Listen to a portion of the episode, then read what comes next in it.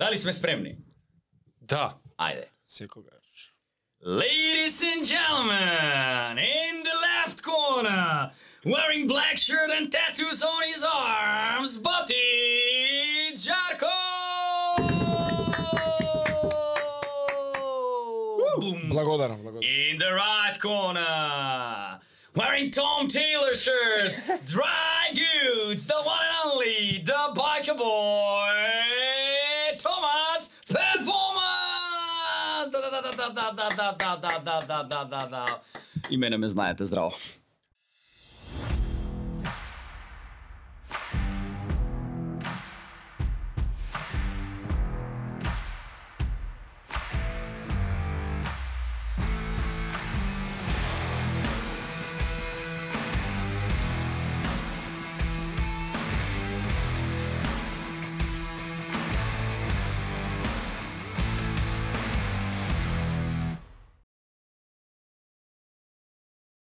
По убаво интро за враќање назад у нашата полу We are uh, back, baby. се враќаме назад, второ полувреме. Не се Жарко, welcome. Те чекам од првата епизода да Ко се лебац.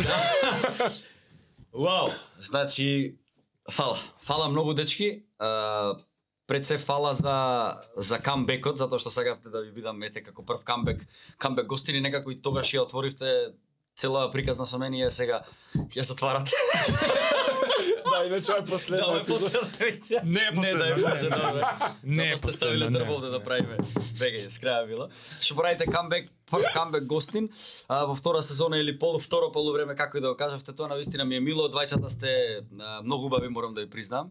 Фала. А, иако надвор е 760.000 степени, а, атмосферата тука е на вистина пријатна. Ако се стопиме до крајот на подкастот, дечки, тоа е, соберете не со джогерот. Снимаме за време топлиот бран. Да. И ти си страшен. Фала многу. Ние можеме одма од кај што застанавме. Минатиот Дали пат. баба ти милето ти го слуша? да, да, значи тоа морав да кажам, затоа се облеков вака. Ова е ова беше чаршав. На телевизорот за- На стоеш. телевизор беше, да. И од кога почина баба ми си го зедов и ставив копчиње и сега е кошулче. Нормално се шалам. Ете да се вратиме на на На тие на корените и сериозните овај сериозните муавети. Така да минатиот пат пошто беше 200 на саат, очигледно гледачите 300. гледачите беа задоволни, ќе продолжиме во исто темпо, но со некои подпрашања. Да не биде дека Така јас цело време раскажувам дечки. За тие што сакате да се подсетите малце, нормално, ако што рековме, со него го ја отворивме целава наша приказна. Има многу работи таму спомнати. Многу, многу, многу. И јас самиот ке се подсетам за некои работи, ама кој што рековме, ова е втор дел, продолжуваме кај што приказната застана, а од прилика вака твојот живот тогаш беше во време на спремање на представата во Белград. Црни лептир. И така. таа беше прилично легендарна пригода со огромен тим, Мгм. продукција и во меѓувреме тоа се случи така што продужи дале. Ете така, значи јас кај вас бев гостина, сега се подсетивме некаде октомври ноември. Тогаш снимавме. Тогаш снимавме. Се објави во јануари. Така некако Да. Неколку коректно. 11 и 18. Ние кога снимавме нормално зборувавме тогаш што се што се случуваше, тоа беше пред премиерата на представата или после премиерата, околу, После, да. околу околу тогаш беше негде. Значи следно што се случи после тоа е дека во декември пред нова година некаде баш Жаре беше да ја гледа представата тогаш. На 22 декември. Да, тоа што се случи беше дека а, театарот Теразије а, ми додели а, награда за посебен придонес во а, Српскиот театар за 2022 година, значи само после два месеци од од премиерата на представата и некако после премиерата на таа представа се отворија многу работи. А, еве сега сме негде длабоко навлезени во летото, емисијава ќе оди кога и да оди здраве Боже. Јас ќе кажам сега што се случи, односно од тогаш до сега што се има случајно, а тоа е дека од февруари наваму јас снимив цела една сезона на нова играна серија во Србија. Поточно снимив 110 епизоди. Значи, 110 епизоди ги снимив, дечки. Тоа е една Да, да, да. сезона. Една сезона отиде, заврши емитувањето завршува односно заврши сега на на на на 30 Пред лето, вајда? Не, не, сега сега на 30 јули заврши. А, Фактички август е пауза и од септември а, продолжуваме со емитување на втора сезона. Од втора сезона имаме снимено веќе 20 епизоди. Односно јас имам снимено 130 епизоди. Тоа сладкар. што серија е тоа бе со А, 100 тоа е сапуница таква телевизија. сладкар глуми, знаеш колку Што секој ден има Секој, епизода. секој работен ден оди на телевизија Пинк серијата се вика Закопане тајне, Закопани тајни. Сапуница е. со 100.000 ликови, значи се, се случуваат многу, многу работи, семејна драма, трагедија, комедија, Ти српска, си да. на српски таму. Да, јас таму го играм улогата на сладкарот Маре, така ми се вика ликот. Гледам, чето ти е подобрено малце. Да, чото ми е Некој подобро. мало да се ја ја, јас имам таков лик што викаат слепстик а, комеди, значи ја носам комедијата во сите тие драми. Имаш еден лик а, во првите 10 главни ликови е мојот лик и кај него во сладкарницата доаѓаат сите оние главните и кај него се случуваат работи. Заебанци и смешки. Играме на лапача таква, еден посластичар сладкар, односно што знае за сите рекла казала и се случуваат мал, мал милиарда работи, мала милиарда работи се случуваат во таа сладкарница. Значи снимивме 110 епизоди. А, јас активно од февруари, значи јас одев за представата, за, за припремите живеев два месеци таму. Подоцна од кога почна да се игра представата, одев еднаш до два пати месечно, нели? И тука си си дефилирам во во Македонија, но откако почна снимањето на серијата, јас бев таму скоро по 5 дена неделно, односно некогаш се случуваше да бидам, пошто понеделник и вторник се таму неработни денови за серијата заради огромната Аха. продукција, да. Значи се работи од среда до недела. А, понеделник и вторник бев тука, односно вторник попладне одев за Тргаш. Београд, да, Да, и а, најкасно што што седев беше до петок до 3 попладне, затоа што во петок во 3 попладне после снимање што трае од 7 сабајле до 3 а, влагам во кола и одам за Битола за да За кабарет. кабаре директ стигам во Битола, од Београд во Битола и така да се случува многу работи, да. Некогаш се случува ќе отидам таму во вторник, знам дека немам во средата снимање, односно во, во средата ќе снимам, знам дека немам четвртокот снимање, ќе се вратам, па ќе ми се јават, па ќе се вратам пак назад другиот ден, ти текно. Така да сега правев едно резиме од е, ноември лани до пред недела дена, јас имам поминато грубо сега, значи 1000 километри плюс минус 49.000 километри дечка. Само Скопје. Белград. И Битола. И Скопје. Белград, За па, колку Белград, време? Скопје, Битола, па колку е од Од 8 месеци еве нека биде. Значи се е, мајсторот што ми ја одржува колата вика друже јас само тебе живеам вика секој 40 дена јас 10.000 километри ги правев. редовен сервис. Редовен сервис знаеш вика што направи бе вика бе брат.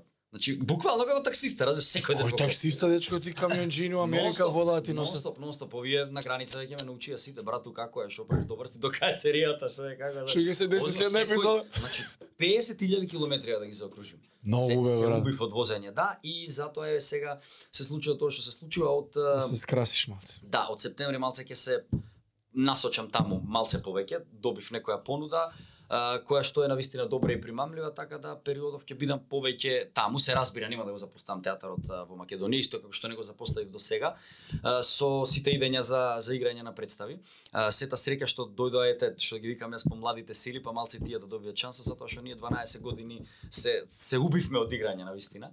И сега за жал некои работи тука мора да трпат како што е емисијата Gentleman Magazine, нели? Со втората сезона фактички го завршивме тој проект наречен Gentleman Magazine. Една Колку ќе го нема? Па сега за имаат сега ќе го нема затоа што Окей. не, нема да постои проектот, но просто направивме ете и тогаш спомнав една многу добра и Супер, племенита еми, а, идеја Супер, да. и племенита мисија имавме со таа емисија. За ете да го дигнеме нивото на свеста до одредено ниво. Ретко Така. добра за на телевизија. Точно, За на телевизиски канал. Да, точно. И исто така и кабарета во Битола ќе мора да Да си најдат за мене. да си најдат замена, да има замена, ќе мора да си најдат уште еден човек или двајца или тројца, зависи. Што ми вика колегата, кога ќе умреш ти вика, кога ќе умреш ти по 100 години вика, кога ќе треба прават филм за тебе, нема да може само еден да те изигра вика. Земеме тројца, така да и ваму викам најдете тројца. Мала шала. Така да од тогаш до сега во кратки црти се има десено тоа и една многу добра работа што ја правев, а ќе ни помогне за муаветот понатаму тука е дека со сите тие поминати километри, со сите тие 4 до 5 сати зависи со се границите Скопје, Белград, Белград, Скопје, секогаш сакав да патувам сам, затоа што секогаш си слушав аудио книга или некој Мм. добар подкаст, но најчесто аудио книга. На најчесто вашиот. А, до- но најчесто вашиот. И сите тие аудио книги многу ми помогнаа затоа што си најдов нова љубов. Прво, времето ми поминува вака, второ тоа Се патување е многу едукативно, точно. така да Добиваш се факултет. кружев со многу големи имиња, преслушав многу добри класици за кои што ќе вреди да се спомнат тука во овие наредни 6 сати на подкаст. Наредни 4 епизоди. така да ете, во кратки црти тоа е тоа, така да ќе Нова љубов добро. смисла кон литература, кон читање, кон консумирање. нова љубов кон смисла на технологијата, аудио- аудио книга, А, да, не е јас. тоа толку, толку технолошки во смисла, знаеш, јасно. не е само дека возиш и губиш време, па да пуштам музика колку да помине, не, него сакав да возам колку повеќе, толку подобро за мене за да ја дослушам книгата до Да, крај, за да, да. Ме разбираш? Така да Кога ете. има гужва, малци си благодарен. Да, да, да, Не се има гужва. Да, ако ако да си дослушам чаптер. Да, кога зборевме у сала ми викаше не знам ова аудио, нели забеле, Да, да, па да. ми пиша како беше ова? Кам дечко фати си колку идеш по 5 сата, не заебаш колок имаш шен факултет. Да, да, реално, реално Али браво, да. Ма реално е така. Така да за сите фанови на подкастов ќе се спомнат многу добри книги кои што на вистина треба сите да ги прочитаме и доколку вие ги немате прочитано, нормално ќе ви ги препорачам да ги прочитате. И кога сме кај книгите, извини, тоа што го ветив минатиот пат, тебе го донесов сега овде. Авиончето од Визер. тоа, е мојата книга Пеперу. Да не се фалиш сам, јас Да, ќе направам. А, Жарко спомна минатиот пат дека има издадена своја книга, а, поезија, спирка песни Која И- после ќе ни прочита нешто? и како во негов стил оригинално донесе три копии за нас тука, фала ти многу. Молам. А, дизајнчето е негово, сега ни кажа. Идејата, дизајнот го, го идејата за дизајнот. дизајнот, а, убавко, симпатично дело. А, ќе видиме ако има прилика денес нешто да прочитаме, ако не ќе рецитираме нешто во иднина, ја Живи здрави. дефинитивно ќе уживам во ова. Така што фала и за тоа. Слушај, тука ред нема, Сега, така што нема сега. Као, знаеш, за чистата маса што е. А, Тука не, ред не, не. нема. Овие урежија се тепаат таму, што- дечки, дајме што правите, снимаме тука. Нешто и друго што може ќе забележат верни фанови е што минатиот пат ти беше тука на фотелички, Да. ние малце го сменивме тука сетапот по Ај ти кажи што мислиш по подкастерски е вака? Ти си единствен што бил и вака и вака. Како мислиш дека ти лежиш меков? Мислам дека во моментов ова го измислуваш дека јас сум бил единствен, тогаш, затоа што многу мафтав тогаш иструкав се овде, сега ме седнавте вака да бидам поприбран, да не можам многу да мрдам, да стојат рацете овде подпрени, шала на страна. А, не знам, некако тоа има еден друг комфор, знаеш, на, Така? на седење на Како кафич Ние шема. така ги водевме емисиите, да си покомфорен во смисла. Едниот дел од емисијата, вториот беше ваков. Така да не можам да, да одредам, а од друга страна па е многу убаво кога човек може на вистина вака да се подпри и го имаме муабетот како да сме седнати у е. кафанче да си правиме Да, муабет, да. разбираш, да. Кол. Така да некако има клоужер ова, а тоа има поголема лежерност. Ова дава некоја поголема активност, макар што тоа мене не ме спречи тогаш да не затворам устата три сата. така да не знам сега што ќе биде.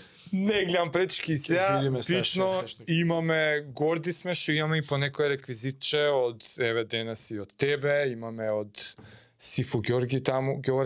Си, Јоре. Сифу Ѓоре, сори. И мора спомнам поздрав до Илија Јовановски, пилот на Визер. Имаме и ново реквизитче. Иден гостин у најава, не знам Имаме дали знае или дека ќе биде гостин. Знае ми вети ќе те скинам иле. Поздрав до Иле, откривме дека имаме заеднички другар. Мене ми е фамилиарен пријател Иле, на Жаре му е другар од мало. Од деца се знаеме. Деца се знаете. Искочи една многу интересна приказна што ќе оставиме за онко ќе дое на гостин. Така што срекни сме бас бар се нас да ни капче. е на мене и Жаре ни е некако ова хоуми веќе. Да. Скетчето таму го заборавив. Баскетчето од Даци, да. Си си фаќа, си фаќа шмек студивца во наше. Да, да, да, многу убаво, стварно убаво. Си го сакаме и ние. А, како што реков, ред нема тука, ти спомна книги, идеме одма на таа тема. Омилени книги, што имаш, што ти оставиш печаток, Што слушаше? Вака што слушаше? После пред, пред да да влеземе на слушањето, сега се вратив од одмор и е, сепак ќе кажам одамна немав читано физички физичка копија ради просто што Само нема на време. плажа дечко узаѓнje. И е, на после после 17 години ја прочитав повторно и пишав и на стори го А. Back to Basics, кум. Книгата Кум Нели на Марио. А, ја да, кажа да, ја кажав, ама сега знаеш ја препрочитав уште еднаш и покрај целата филозофија на Кум и тоа што Кум го носи се поврзуваме сите одма со мафија и сите тие работи. Тоа е многу добра книга за градење на личност, односно книга како се успева во животот, односно како се прави, како да бидеш добар предприемач. Реално Знаеш дека е страна. топ за предприемачи. Ете не знаев. Го, ама Као сега official recommendation. Како official recommendation Еве истото го кажувам сега, затоа што сериозно ти дава Кец, лекции. Кум 2. Да. Така да, мислам, у книгата една книга е, една книга е, ама во филмовите е малце За поразработено. Али тие Кец, две Кец и двојка, да. Така да е, ете, ќе препорачам на сите. Кум Е, многу, многу, страшно добра книга. Многу интересна точка тука ме подсеќаш сега дека јас намерно читам некои книги сега, Мгм. што сум ги читал можеби усредно, Достоевски ми е пример една злострство и казна, баш за да видам како различно ќе доживеам едно дело во распон од 20 години разлика. Да. И дали ти забележа нешто, еве рец- пред 17 години Да, си ја читал, да, памет. сега пак ја читаш. Познаваш нешто ново за себе, додека читаш книга по втор пат преку неа. Так, апсолутно. Точно знам на кај ти оди прашањето и тоа е тоа, види.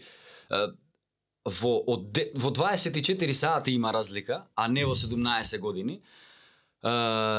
И за себе спознавам, уствари само за себе спознаваш ти затоа што преку себе и преку книгата гледаш до каде си ти уствари каде си бил тогаш како си ги сваќал работите тогаш и на крај памет не би било ја читав ја тогаш во во, во средно, Средно. на екскурзија разбираш Да. додека бевме и ни на крај памет не ми дојде дека ова е книга за некако би била за предприемачи. Ме разбираш? Тогаш Дека ко може мафијашка да- си ја гледал. Ме сваќаш? Така да да, а, муабетите внатре, а, сите тие досетки на авторски на Марио Пуцо како како автор, како ги има вешто напишано, значи сега и тоа малку што го имам како автор, нели со книга што имам пишувано некои други сценарии, са ваќам колку тоа мајсторски, зошто е таа Да. книга толку голема. Ме сваќаш пред се. За разлика од овие други книги што сакам да ги прокоментирам, што се книги за кревање на на самосвеста во смисла со со формули. Разбираш? Аха. Тука немаш ти формула дадено, сам мораш да си ја најдеш. Затоа е голема таа книга. Затоа Достоевски е мајстор и да го прочиташ уште за 20 за 20 години од сега па да ја прочиташ Стам. Злошторство и казна, ќе видиш колку мудрост има што сега не можеш да ги видиш. Па не пред 20 години кога си ја читал. Така да да, ќе има многу разлика во нашиот муабет од пред 4, 7, 8 Да. месеци кога да е. Стварно, ме сваќаш бе, па да. не во толку голем временски период. Така да, да има има многу многу разлика има. И разликата е во себе. Книгата е иста, Точно.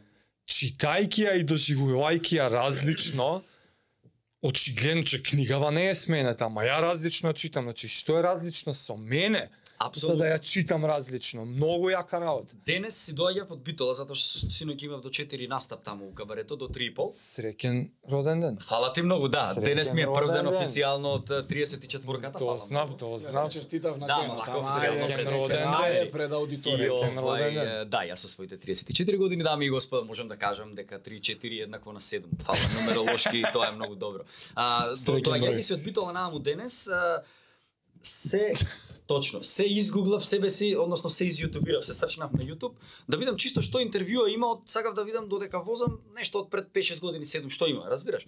Да видам чисто како сум размишljал тогаш. Затоа што ти, од- ти од прилика знаеш што си изборел, ама не знаеш тачно, затоа што поминало време.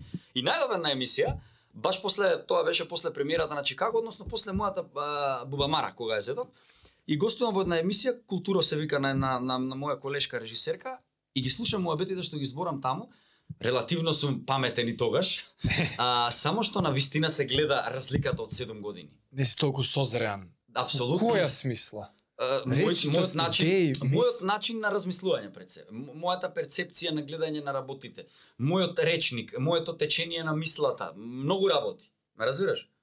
Мојот физички изглед, како како тогаш изгледам додека го кажувам нешто во смисла физички со гримаси како сега изгледам, ме сваќаш? Така да имам имам многу работи. Дали тогаш сум позирал додека сум зборувал, дали сега ми е гајле за тоа, разбираш? Дали содржината тогаш била појака или формата била појака? Како се осеќаш кога го увиде тоа, дека имаш разлика, имаш некаков развој? Се осеќаш подобро, полошо, критички, Добро, дефинитивно. збогатено, како те прави да се осеќаш. Апсолутно се што е со плюс. Дека си направиот пат. Се подобро, да, се по, подобро, позбогатено, посозреано, ме сваѓаш по позамажено, можам да кажам, зашто Аха. таму сепак некое дете ме сваѓаш сега уствари гледам дека поминало време и дека што вика една песна ночи се ти изрезале чело свака ноќ е нова борудала ново борудала така да се гледа тоа и на на лицето има некоја патина добиена ама сето тоа позитивно разбира сето Да, тоа да, многу да. добро. Така да да времето доколку добро се користи многу може да ти помогне позитивно. И што е најдобро и нај за мене нај победително е дека пред 7 години изгледам 14, не 14, ама изгледам 7 години постаро од сега. Пред 7 години изгледам постаро 7 години од Што е сега. резултат на На лајфстајлот.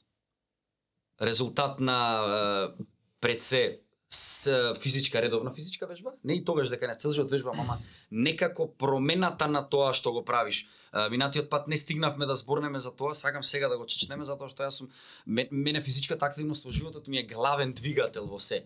Поготово од пред две години кога се запознав со е, кросфитот. Како како една форма и како една филозофија на живот пред се. И сето тоа подкрепено со психичката спрема и психичката надоградба со сите тие е, книги, односно класици што од секогаш постоеле, ама просто низ годините мене не ме интересирало да читам книга на Виктор Франкл. Виктор Франкл е човек, е, психијатар кој што го преживеа логорот. Да, значи таа книга ја прочитав сега пред 6 месеца. За прв пат? За прв пат, да. Имав нешто цело време, чачно тоа ќе ја фатам, ќе остам, ќе ја фатам, ќе остам, ќе фатам, ќе Колку остам. е добра, дечко. И сега сваѓам ствари колку е книгата голема. За, Колку он голем. Под подкастот това што зборевте за физичката спре за за менталноста, таа една мамба менталити што цел свет ја знае, нели? За менталната снага. апсолутно менталната снага е се. Од една страна. Од друга страна, што е она што ни ја дава главната снага и сила за живење?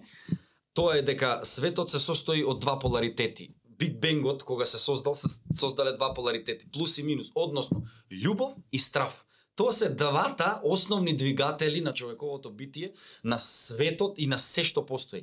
Се што правиме, размислете и ќе видите дека е така. Ова е објаснето во една книга што се вика Разговори со Бога од Нил Доналд Волш. А, книгата кажува дека се што секоја една постапка што ја правиме или водена од љубов или водена од страв и на вистина е така, Така е. кога длабоко ќе се замислиш. Значи првата книга што ја сакам да ја спомнам да ја читаат нели кум го спомнавме од тоа Така, прва. идеме. Втората е а, човековата потрага за смисла. Значи на психијатарот што Ова Виктор Франкл. Франкл, да, човекот што го преживеа Аушвиц и единствено љубовта го извади М. да преживее. И тоа како он си го направи со си ги анализираше Апсолутно. од него е со позитивецот и негативецот кој подлого ќе издржи у затвор. Он ја има таа Да. теорија направена Да. во Аушвиц. Апсолутно. Да, додека бил во логор. И пази се, Виктор Франкл во книгата многу го цитира Ниче. Ниче е еден од најголемите, ме разбираш, Мм. така да дури и самиот Франкл ги читал големите за да стигне и, и сам да си да порасне. Затоа ние се се е тука. Се е измислено. Така. Значи само треба да го најдеш и тоа да те мотивира. Ме сваќаш затоа е, ние секогаш, ето пример пред 7 години мислев дека пред 10 ајде, мислев дека од мене потекнува се. Јас ќе бидам тоа, јас ова, јас ова. Не бе братче, да ти можеш да бидеш тоа, ама негде е сето тоа кажано. А и тие што го кажале го нашле од други. Разбираш? Точно. А за да бидат толку големи биле водени од љубов. Со помалку страв, што е кон... е, креативно, креативен страв. Така да втората книга е таа, третата книга исто што сакам да ја кажам е, Разговори со Бога. Моментално ја читам втората книга, пет се мислам, не ме држете за збор, не знам, пошто ги читам степ бај степ и ги читам како што минатиот пат зборував Екарт Тол Нова земја, тоа е значи It's a must. Е, и читам 2-30 страни, ја оставам книгата и живеам според тие начала. Така да истото го правам и со оваа книга. И навистина е книга што многу помага. А, книга која што доколку сакаш да ја кажеш, да, да, ја, да ја сватиш и да ја примениш, многу ќе ти помогне, затоа што принтот не се само обични зборови, него позади зборовите има многу. Така да таа книга е навистина книга што би ја препорачал и книгите две од Джо Диспенза, нели што го зборевме, Плацебо ефект? почнавта. плацебо ефект и втората апгрейд на таа, ама од кога ќе ја прочиташ првата, втората ќе ти биде уште појака, како со додатни детали е uh, We are supernatural. Сите ние сме Еј, да, ја знам тоа. Значи, луѓе, книгите се лудница. Сега, ова е ова се 50.000 километри преслушани зборови и применувани. Затоа што сепак двигателот ја секогаш викам без ризик нема награда, ризикот е голем фактор, дури и на книгата Кум, што сум ја купил за татко ми тогаш знам дека ја купив, посвета му имам напишано без ризик нема награда. Значи што сакам да кажам дека одењето мое во Београд, тие едни нови почетоци, одење во нова средина, колку и ти да си сигурен во себе што правевме муаве тие 10 години колку се битни. Сепак даваат те расклимуваат од комфорт зоната. Ти растеш, да, ама Да. мораш да цврсто да газиш и мораш да си многу спремен за да одиш по јаже. Ме разбираш, мораш да го имаш тој баланс. Е, овие книги помагаат многу во тој баланс. Помагаат да да преживееш во во тоа големо море, односно не само кога ќе Даваат додеш да се бориш за живот, него да бидеш над сите. Ме разбираш? Така да некако ете пак ќе кажам ја фала Богу за сето тоа што се случува, ништо не се случува случајно. Тоа го кажува и, и, и разговори со Бога книгата. Вика кратко, значи не зборам многу за книгата. Вика дека се нашата душа пред да го најде нашето тело, таа постои негде во колективната свест. Ние се знаеме, ама во текот на животот ние само се подсетуваме. Ние не учиме нови работи. Ние само се подсетуваме на тоа што го знаеме. Тоа изгледа како учење, да. Затоа што човек учи додека е жив, ама ние колективната свест, колективната интелигенција се знае. Ме разбираш? Ние само уствари се подсетуваме на работите. Затоа има една друга теорија која што вика дека а, детето ги бира своите родители.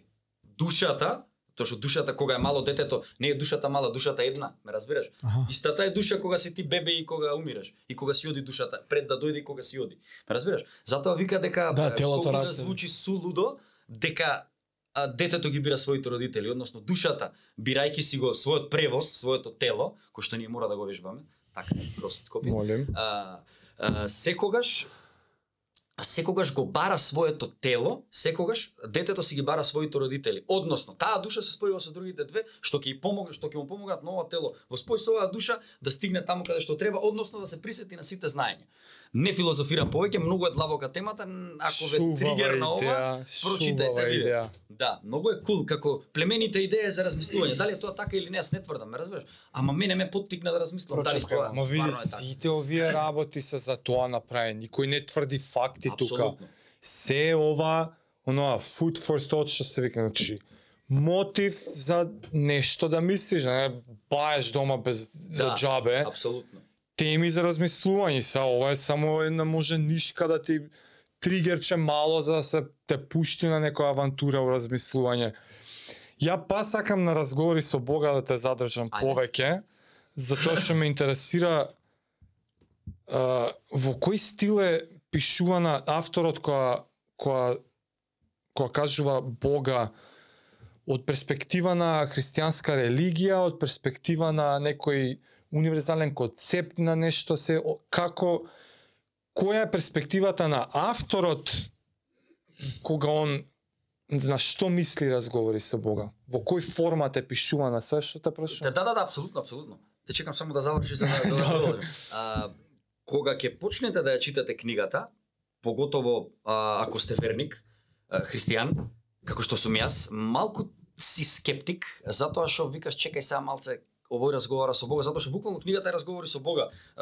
Човекот Диалог баше диалог. Диалог, диалог. Е, човекот е некаде, нека ова околу Великден, не знам која година се случува, он е на депресивен, на работен, на, на, на самоубиство и му доаѓа преку глава све и пишува писмо, као му се обраќа на Бога. Значи, мене ми е преку глава дојдено, братче, што да правам? Да си заминал. И сега книгата е дека рака да почне сама да му, да му пишува него, Као, разбираш и одговорот. И се има тука прашање, има многу што се многу логични што сите си ги поставуваме.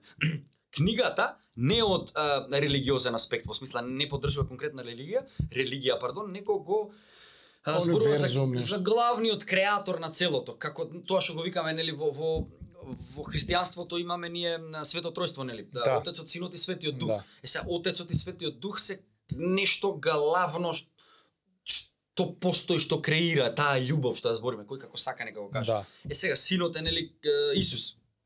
Кај нас во случај. Се имаш ти многу такви пророци, многу религии, значи никој не не поддржу, не не Ајде, не, фаворизира, не, да, не, фаворизира. конкретизира он едно, едноставно. Исус го цитира Буда цело време, имаме околу од муслиманството некакви си цитати, но он цело време зборува како тој еден бог универзален затоа што концептот за затоа што сите ние луѓе кога веруваме во нешто, си имаме замисла и знаеме дека има нешто, сите викаме има нешто. Е тоа има нештото, тоа тоа пишува. Тоа као одговара. И сега му поставува прашање, као во смисла е, зошто постојат болести, зошто постојат војни, зошто ме сваѓаш? И сега таму многу е добро објаснето. И многу е култо објаснето и од таму излегуваат тие два поларитети. Разбираш као страф и љубов. страф и љубов, тело и душа, е, лево и десно, горе и долу, разбираш? Е сега вика тоа се двата основни работи, ама помеѓу страф и љубов, тие двата поларитети, измеѓу тоа што се случува е животот. Во Да. смисла меѓуто, значи лево и десно, ама измеѓу лево и десно има нешто горе и долу. Значи сегде има три работи. Его, суперего, ит, тело, душа е, и не знам како е таму објаснето разум. Са многу се точно напишани за да ги за да ги цитирам, а не би сакал да ги парафразирам за да не бидам Да, да. И е, е, е, е, ми избега мислата, но во принцип тоа е дека Таква е, дека Дека не окей. фаворизира ни дека е. Диалог. добро кажано. Диалог. Диалог со Бога буквално има прашања што и ти би ги поставил и ти и си ги поставувал во животот. И ти е чудно, ме разбираш? Како некој може тоа да го напише? Е, сега, зошто ова? Затоа што сакам да се надоврзам на една од е, работите што може најмногу впечаток ми остави првиот пат кога дојде тука, кога спомна во не знам што правевме му опет тогаш. за твојот е, духовен Отец. Да, водител, отец како го отец, духовен отец. Така, дека јас тогаш за прв пат разбрав дека може обичниот човек да има такво нешто. И тогаш го спомнавме, ми остави впечаток, ја сум сериозен, нема ден, а да не размислам на таа тема откако слушнав кај тебе. Дури мислам дека у изминатиот период како ти што си бил фокусиран за книги за спознавања, мојот фокус може би мислам сличен, ама вклучи повеќе религиозни книги, учења, како и да е. Сакам сега во оваа пригода малце поише време за тоа да посветиме и тоа апла, деталчиња, практичниот елемент ме интересира, значи како за прв пат ти дозна дека можеш да отидеш кај некој духовен отец за нешто. Зашто? Зошто го одбра тој? Кога се случи? Целиот тој аспект од твојот живот раскажи ми го и нормално после ќе ме Да што што што ти имаш од тоа? Нема многу филозофија во целото, нема толку е, муавет како што го замислуваш дека ќе се збори многу околу тоа. Зошто? Затоа што е, ја цело време живеам по таа некоја парадигма, некое некоја максима, некоја мисла на на христијанство. Е, затоа што и главната основа на христијанството е нели е, човечност и љубов. Љубов, агапе. Е, Да, како сакаш гледај го тоа, сепак во сите религии истото е. Јас сум задоен со христијанство, потекнувам од попска фамилија. Баба ми беа девет браќа и сестри, од кои четворица беа попови, незините браќа мои како доаѓа дедо по баба. Да. И сите нивни деца и сега и внуци што се малку помали од мене некоја година, сите некако си го задржаа тоа и одат по такви работи. Јас цел живот ме ме носеа по цркви, слушав литурги, знаев делот од што се читаше во црквите во тоа време. Јас нема ден од пред не знам колку години, па до ден денес, нема ден јас да а, легнам без молитва и кога ќе станам на сабајле да станам без молитва. Значи нема ден, немам пропуштено и нема да пропуштам дури душата во ова мое тело живее е тука. Значи тоа просто мене ми помага тоа е онај главниот двигател што мене ми дава сила да јас го правам ова што го правам, да имам оваа сила и физички и и психички, односно ментално да да го живеам овој живот што го живеам со со ова темпо што го живеам. Значи просто едноставно тоа е така и овие сите книги што ги спомнав не случајно многу ми помогна да си ги објаснам некои работи што сум ги чувствувал преку христијанството, а не сум знаел како и зошто ги чувствувам. Можеш пример да На пример, ќе се поврзам со Џо Диспенза. Со плацебото, плацебо ефектот. Значи во христијанството постои молитва. Така? Ти кога се молиш, ти зрачиш позитивна фреквенција. Таа додека се молиш, значи да, самото тело се мести на некоја си фреквенција, која што доколку се измери во моментот има има начини, ќе се знае кој е кој е херцот или мегахерцот или мерната единица за за Што и да, нема веќе. да. А, молејќи се ти за добро, за општо добро се молиш ти, ме сваќаш? Значи, како и да е, ти се молиш за добро нешто. Потекнат си од љубовта. Љубовта те движи тебе. Тука го ставаме христијанството. На, на една страна, од друга страна, ја се повикувам на книгата на Џо Диспенза за плацебо ефектот. Односно, ти кога се молиш, да се вратам на христијанството, пардон, кога се молиш, ти си благодарен за нешто. Благодарноста е највисоката, е, највисоката можна, е, највисокото можно скалило што може да го чувствува една душа. Кога си ти благодарен за тоа да, што ти се да. случува. Значи, м, љубовта тогаш постои на сите страни. И кога молитвата не е ништо друго освен благодарност. Е сега, за пласебо ефектот да се случи што викам преку медитација и е докажано дека се случува. Значи да пошто човекот е Тоа е психијатар се и се поврзани на та како се вика тоа машинчето на главата цели се да гледат што се случува со мозокот додека они го прават плацебо ефектот, односно го прават тоа истото и со молитва Аха. што све се лачи, кои хемиски елементи се лачат во мозокот, односно во телото, за да се случи тоа што се случи. Е, сега еден прост пласт, пластичен пример. Доколку, за плацебо ефектот зборувам, доколку ти сакаш нешто многу да ти се случи, ќе ти се случи. И има начин како медитацијата буквално те, те, те води guided meditation, како да ти се случи тоа. Односно, па лупам, значи не е толку глупо, ама глупо е. Сакам да си купам нова кола. Така. Јас не седам и да викам леле сакам нова кола, сакам нова кола. Не.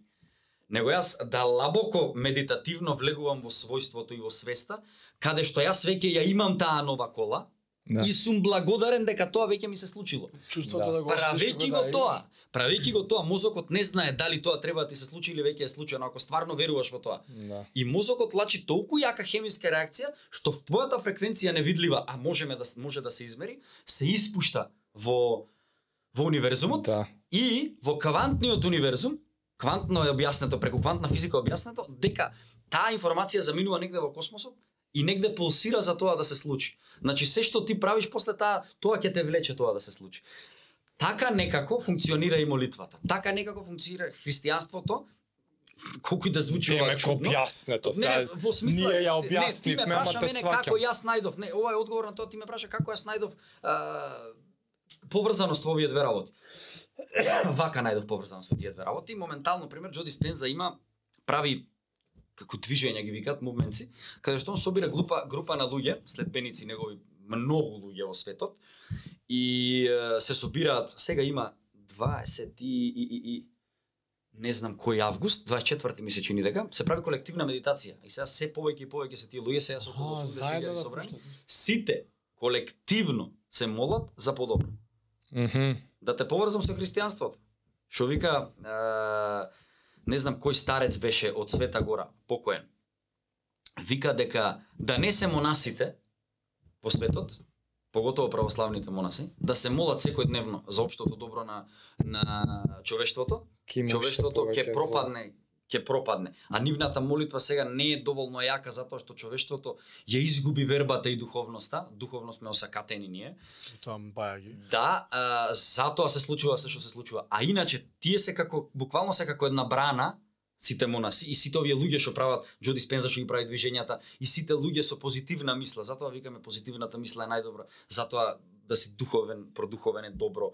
Затоа и христијанството и сите овие книги го пропагираат тоа. Значи сите тие се сите ние нашата добра мисла и волја и тие монаси сме како брана на некоја вода што многу сака да да, да сруши семе, разбираш? Затоа што позади браната има зарачуна Едемската градина е најдобрите плодови и се убаво што на човештвото му е главно и клучно за живот. И сега сите тие го држат тоа. Кога ќе пукне таа брана, таа вода таму е појма јас каква заразена или биолошки Злото. цијанид на злото, ќе поплави се и толку ќе биде. А како што тргнало таа брана е многу напукната во, во сите сфери. Да. Затоа што мислам дека кај да ќе пукне, да. Мислам дека кај Е да па за тоа се Затоа крајно трудам. време е ние сега да се освестиме како цивилизација. За тоа се трудам и повеќе да те испрашам и за практичните моменти, затоа што ја осеќам дека у денешното општество има некоја празнина на поле духовност, на поле мислење на позитивни работи, на благодарност, на едноставно дури и да човек кога го слуша ова му резонира согласно, до толку е изгубена традицијата што и да сака не знае што да прави.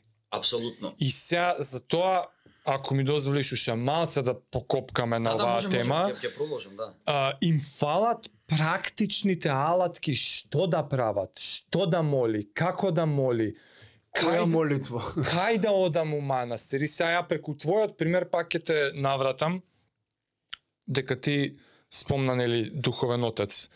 За него раскажи ми. Ќе ти раскажам. Буквално практично што се случува, одиш таму, се договараш, седиш на Да, да, не, тоа тоа сам да ти кажам, не е тоа толку мистично да што го сваќаш. Значи вака се, пак ќе се навратам. Ама дека не е. Стигнеме до тоа, да. Еве Баш, извини, баш дека не е, ама никој не го кажува. Никој Да, да, не да. знае. И сега и да сака некој, што да правам? Не знам што, кај да идам, каде, која црква, празна црква. Не, сега има, Да, да, да. има човекот на душата да се искаже нешто, и од што дедовци, родители, никој ништо веќе тоа не го објаснува, и ние си патиме у, у заборав. Значи, е, он духовниот отец не е не е магија, не е посебна алатка за ти да се приближиш до Бога или да направиш. Не, Просто Библијата вика, значи таму е многу добро кажано и сите овие книги го имаат спомнато како цитат. Кога двајца ќе се соберат да зборуваат во моје име, вели Бог, јас сум таму. Ме сваќаш? А кога ти се молиш, оче наш нека е молитвата. Ме сваќаш? Кога ти пробуваш да влезеш во себе си, преку тогаш, молитвата. Преку молитвата, тогаш ти веќе не си сам, тогаш Бог е со тебе, а Бог е љубов, а ние сите го носиме тоа во нас. Проблемот е дека луѓето се плашат да љубат. Ние како нација колективно заборавивме да се заблагодаруваме за се. Добро, што да прават за да за да се спротиставиме на тоа? Просто да да не се плашат да бидат сами со себе луѓето, да не се плашат од тишината, затоа што тишината некогаш знае да биде многу гласна. Неподносливо гласна знае да биде тишината. Е, многу луѓе што ќе го слушаат тоа, може би и вие сте се нашли во таква ситуација. Знаеш колку луѓе ми рекле мене, никако не можам да седам во тишина. Мора да работи телевизорот, мора го да работи. тоа, да. Ме сваќаш? Ехе. Зошто е тоа така? Тука е одговорот на твоето прашање. Јас не можам конкретен одговор да ти дадам. стра... љубов и страв. Ме тоа е сваќаш? Страв. За, јас конкретно да ти кажам што сега. да направат, не знам, ама преку овие Алатки. освестувања сам ќе си го најдеш одговорот. Затоа овие книги што ги спомнав се многу добри, а главно од сите тие книги што сакам уште еднаш да ја препрочитам, ама мислам дека ми требаат уште неколку години, е Библијата. Во Библијата е све кажано. Ама е толку многу замрсено и толку многу длабоко што на прво читање ти мислиш, чекај баба бабени девете ни се живееле по 700 години, mm. овој на брат му се од камен го удрил, го скинал тај од Голијат, не знам овој 16 деца имал со јагнето со Господ. Знаеш, така ги разбираат работите луѓето. А тоа е многу длабоко. Е сега. Не чекај. Стар завет е до. Не Да, да, не, ја читам, ја читам, сакам да ти кажам само А, окей, а, сакам ста, новиот сум се завет. Сакам стариот уште еднаш да се направи. Океј. Пак. Океј. А, муабетот ми е дека кога ти правиш муабет со духовниот отец, тоа не мора, тоа не е по, не може, не е дека некој посебна титула во црква треба да има за да е духовен отец. Било кој а, свештеник може да ти биде духовен отец. Ме сваќаш? Дали тебе ги ти одговара сам? Да, работата е дека да не ми се налутат свештените, свештениците, а, духовен отец тебе може да ти биде и најдобриот другар, ако е добар слушател. Океј, И ако има доволно мислиш, да. знаење за да ти да те посочи, да ти каже нешто, значи ти му викаш леле ме остави женската што да правам, сакам да се убијам, он да ти каже немој да се убиеш, ела ќе се опиеме. Не тоа него да да знае да е доволно начитан да има информација да ти каже «Е, прочитај го овој пасус во таа книга, види како ќе ти делува на ова. Мм. Ме сваќаш? Пак ќе го повторам примерот што го кажав и тогаш, а таа е од Декарт Тол, голем голем мислител, големо духовно гуру, кај што зборува за а, жената што ги изгубила диамантските обетки кои што и биле не знам колку а, значајни, ама се материјални. Она ги изгубила обетките и ги се струшил светот готово, што ќе правам сега? Значи, што е муаветот? Муаветот е дека егото е болест на 21 век. Аха. Егото, егото нас не ни дозволува да бидеме продуховени, да најдеме таа молитва. Да, да. Е сега, егото на таа жена ја вика, готово ти изгуби се повеќе, не си вредна, не си ништо. А уствари, замислете се вие дека најбитното материјално телефонот што го исплаќаш на кредит 3 години, го гинеш сега. Значи го земаш кредитот сега, Денес го земаш телефонот, по два дена го губиш телефонот. Ти ти мислиш готово.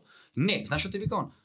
Запрашај се внатре ти самиот што си. Дали сум јас се уште истиот со овој телефон, и ако го загубам, дали јас ќе останам истиот внатре? Па нормално дека ќе останеш истиот внатре. Само треба некој да ти каже да се погледнеш внатре. Така. Ме сваќаш? Денес живееме ние во толку свет на изобилие, во свет на информации, во свет на YouTube. Комфорт. Во значи се буквално што сакаме можеме да разбереме, ама ние не сакаме да разбереме. Ние се сме мрзи. Ние сме како цивилизација толку навикнати се да ни е наготово, што дури не сакаме да исрчаме ништо. М. Разбираш? Си викаш ти, абе, да, колку пати сум го слушнал тоа и после ќе се расправам со луѓето, со тие што сваќам дека има, мислам се расправам позитивно да, дебатираме. А, не верувам во црква, не верувам во попови, не верувам. Зошто не веруваш? Зошто не веруваш? Па не верувам, крадат пари. Земаат пари возат джипови. Седни направи муавет со еден таков човек. Види колку може да ти ги отвори видиците или не може да ти ги отвори видиците, ме Па разбираш? процени сам. Процени сам. А, една прича Да не интересна. осудуваш пред време. Што сакам да кажам, една прича интересна, меме едно вртеше сега 100% го имате видено, огромен брод еден типа Титаник и човече стои едно доле и работници од околу и се раскаже на приказната во неколку реченици. Моторот на бродот имал голем проблем, ова пред 7-80 години. Uh, она, перката главна, имал некаков проблем и 4 години пробувале мајстори разни, квази мајстори, значи неискусни мајстори да го поправат, не можеле да го поправат. Дошол некој инженер, наплатил милиарда, го направил за 5 минути. И овој не сакал да му плати. Го чепнал Му рекол, бе, брат, му рекол, ти го направи ова за 5 минути, зашто да ти дам толку пари? Не Му рекол, колку време го пробувавте да го направите? 4 години. Па брат, јас 4 години, ос- односно 14 години сум вложил труд да го направам ова. И сега нормално имам знаење си го наплатам, тоа. Така да дајте да не суд... ние многу судиме како како народ многу судиме. Како не судете, не како знаете. род, како луѓе. Како луѓе, како Не како народ, како македонски Не, не како народ, како луѓе, како луѓе сите судиме. Ние ништо не знаеме за другиот. Колку и да го познаваме. Пак ќе кажам, секоја една работа ние ја правиме или од љубов, или од страв. И не знаеш што тебе, што него го натерало да го направи тоа што го направи. А најлесно е да кажеме до, дошол со милето од баба му облече. Ме сваќаш? Нај најглуп пример, најпластичен пример. Не знаеш зошто јас сум се облекол вака и што е мојата причина за тоа. Ме сваќаш? Која- Така да, извини, само Не, да не, се не. навратам кај духовниот отец малце. Ба проста причина што јас го одбрав конкретниот човек Е, беше дека Зрзем е мене еден од најубавите манастири во Прилепско е, на вистина манастирот е магија. да. Одиш таму и е прекр... на прво е на прекрасно место, се гледа Пелагонија, високо е, убав воздух има. Кога ќе отидеш таму, местото зрачи со некакво смирение. Ме разбираш? И дечките таму, браќата, дечките, поздрав, знам дека ќе им се свиѓа дека дечките ги нарекам. а, Браќата таму се многу кул cool луѓе, затоа што се луѓе кои што преминале од другата страна. Не ги интересира нив ништо од од од, од Материјал, ова материјално. свет. сваќаш? Буквално тие живеат во еден таков мир таму што не можеш ни да замислиш колку е убаво. Они се кои са бајле стануваат со молитва, е, го посветиле својот живот на Бога, они не размислуваат како ние што размислуваме, они си работат, си копкаат бавча и така изгледа тоа од, од оваа страна. А тие се ствари толку над сите нас, општо сите монаси, толку се над сите нас што не можеме ни да го замислиме тоа. И одејќи таму, е, во Зрзе, сак, се распрашав кој е човекот, кој е пастирот на тоа стадо таму. Значи, Мгм. пастирот на секој стадо, на секој манастир е Бог. Сега, кој е најблиската врска нели, Така, со Бог така. во тој манастир? Ми кажа дека е е, владиката Климент таму. Уз муабет, лажам, лажам, лажам, лажам. Климент ме најде мене уствари. Uh, јас Зрзе го сакав многу и така натаму и така натаму причата од тука е вистината, но во еден момент јас добивам повик од Министерство за не знам што, за култура ли беше. Ми вика здраво и здраво, вака и вака, вика се реновираше во Зрзе конакот, им треба као водител, сакаат да бидеш ти. Да го отворам тоа таму. Како настанче Како некој? настанче, да. Викам, леле, Зрзе мене вака и вака, јас не бев тука у Македонија, нешто, нешто многу, имав нешто многу битно неодложно што беше планирано многу одамна и никако не можев да го одложам. А, мојата улога ја превзеде нашиот драг пријател Димитар Атанасовски. Да е жив и здрав. Поздрав А, за Дима. да. Денес му изгоре ушите во студио. Поздрав до Димче, да, денес цел ден за него се збори. Овај е, не отидов, не успеав да отидам таму и некако чувствував должност пред Бога, пред себе и така натаму да да се оправдам некако зошто не можам таму да отидам. И прашав кој ме побара. на таа девојката што ми се јави од министерство. Викате побрав владиката. Кој владика? Климент, вика архимандритот на срце. Тоа е називот за водачот на, на за водач на манастирот. И добро викам сакам да се видам со овој човек. Се видов со тој човек, просто кога ја седнав да разговарам со Климент, Таму во манастирот отиде? е, да. Или се најдовте на друго? Прво во манастирот, па после се, Така. се, се гледавме на различни места. А, смирението, енергијата, мотивацијата што ти ја дава, допаминот што го лачи во тебе додека зборувате, не се завргавам, и ендрофинот и како сакаш земи го тоа хемиски се. Кога ти тебе убаво нешто хемиски се случува, тоа е неминовно. Да, да, да. И молитвата тоа го прави, нели? Ја викам, сакам почесто да се гледам со овој човек, знаеш. Е, ти колку сакаш можеш да се гледаш, што оди во манастир и така натаму. Ама ево викам во овој момент е, сакам да бидеш мој духовен отец. Доаѓаме до прашањето како се стигна Да, до духовен да, отец да. и што е духовен отец. Духовен отец е човек, многу просто кажано, духовен отец. Отец, татко твој во духовност. Човек што те воспитува и те води во духовноста, значи на онаа друга страна. Човек кој што го посветил својот живот на Бога многу повеќе од сите нас што се правиме мангупи дека читаме и сме продуховени, значи просто он тоа го живее. Разбираш? Ако сакаш да си најдобар во нешто, го посветуваш животот на тоа. Ако сакаш да си тренер за кросфит, брат, ќе стануваш во 4 сабајра, ќе трчаш со 4 будали по 25 километри, ќе одиш ќе водиш тренинзи цел ден и ќе бидеш најдобар во тоа. Толку, разбираш? Така да он ова го заборел, кога стануваш ти, кога се замонашуваш ти добиваш друг идентитет, си земаш Да. друго име, ме сваќаш. И они просто си го сватиле животот и заминале таму. И ти кога сакаш да стигнеш поблиску до Бога, нормално ќе стигнеш со некој што животот го посветил на Бога. Ти скрати патот. Така да а, муабетот е дека ако сакам ја да бидам добар во кросфит, ќе тренирам со кросфитер, нема со байкер. Разбираш, колку и двајцата да сте физички спремни. Ме сваќаш така да јас, ако сакам да бидам духовно поблиску до Бога, ќе се дружам, ке, ке, ке побарам духовен отец некој искусен, отколку да побарам некој кој што прочитал 7 книги или 70 книги. Ама кога него не си посветен на животот во тоа нема толку многу некој да те да те приближи до Бог. Е сега, а, монашкиот живот односно животот посветен на Бога изгледа многу а, тоа е многу тешко. Поготово ние на на денешницава луѓе кои што ни е достапно све и кои што сакаме да излегуваме и да да ги живееме сите добри и лоши страни на животот што ги нуди, со сите убави нешта предводени од љубов и сите пороци предводени од страв.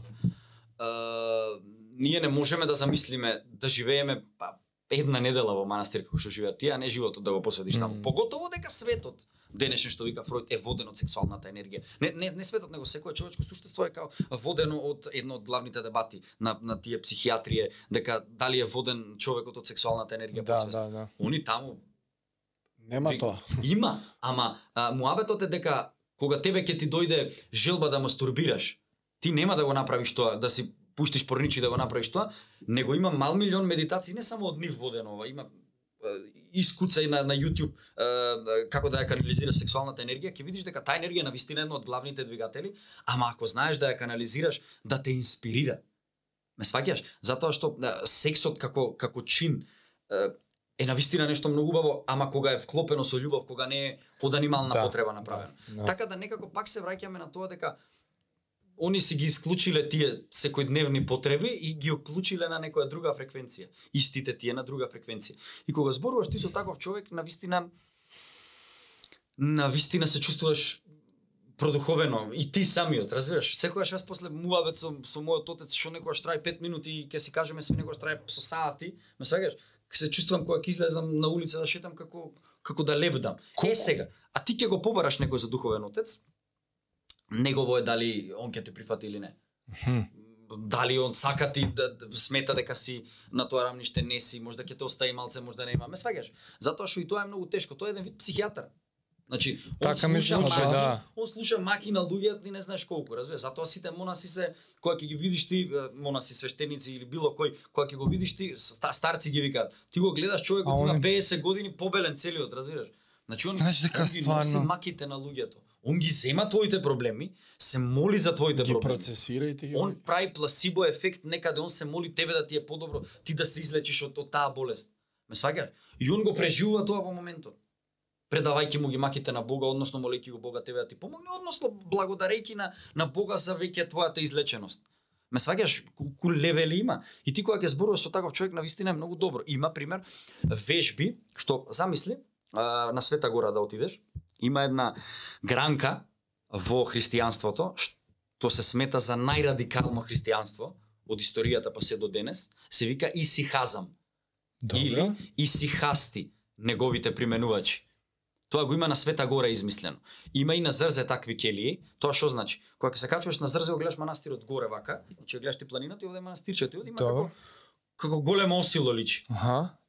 Кога отидеш горе, сваќаш дека тоа се дупки брат, колку пола од овој џамов.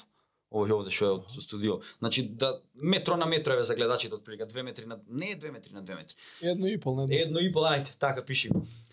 Они живеат во тие келии внатре и живееле и се таму со месеци. Чекај, ова е како оно а, аскетизам.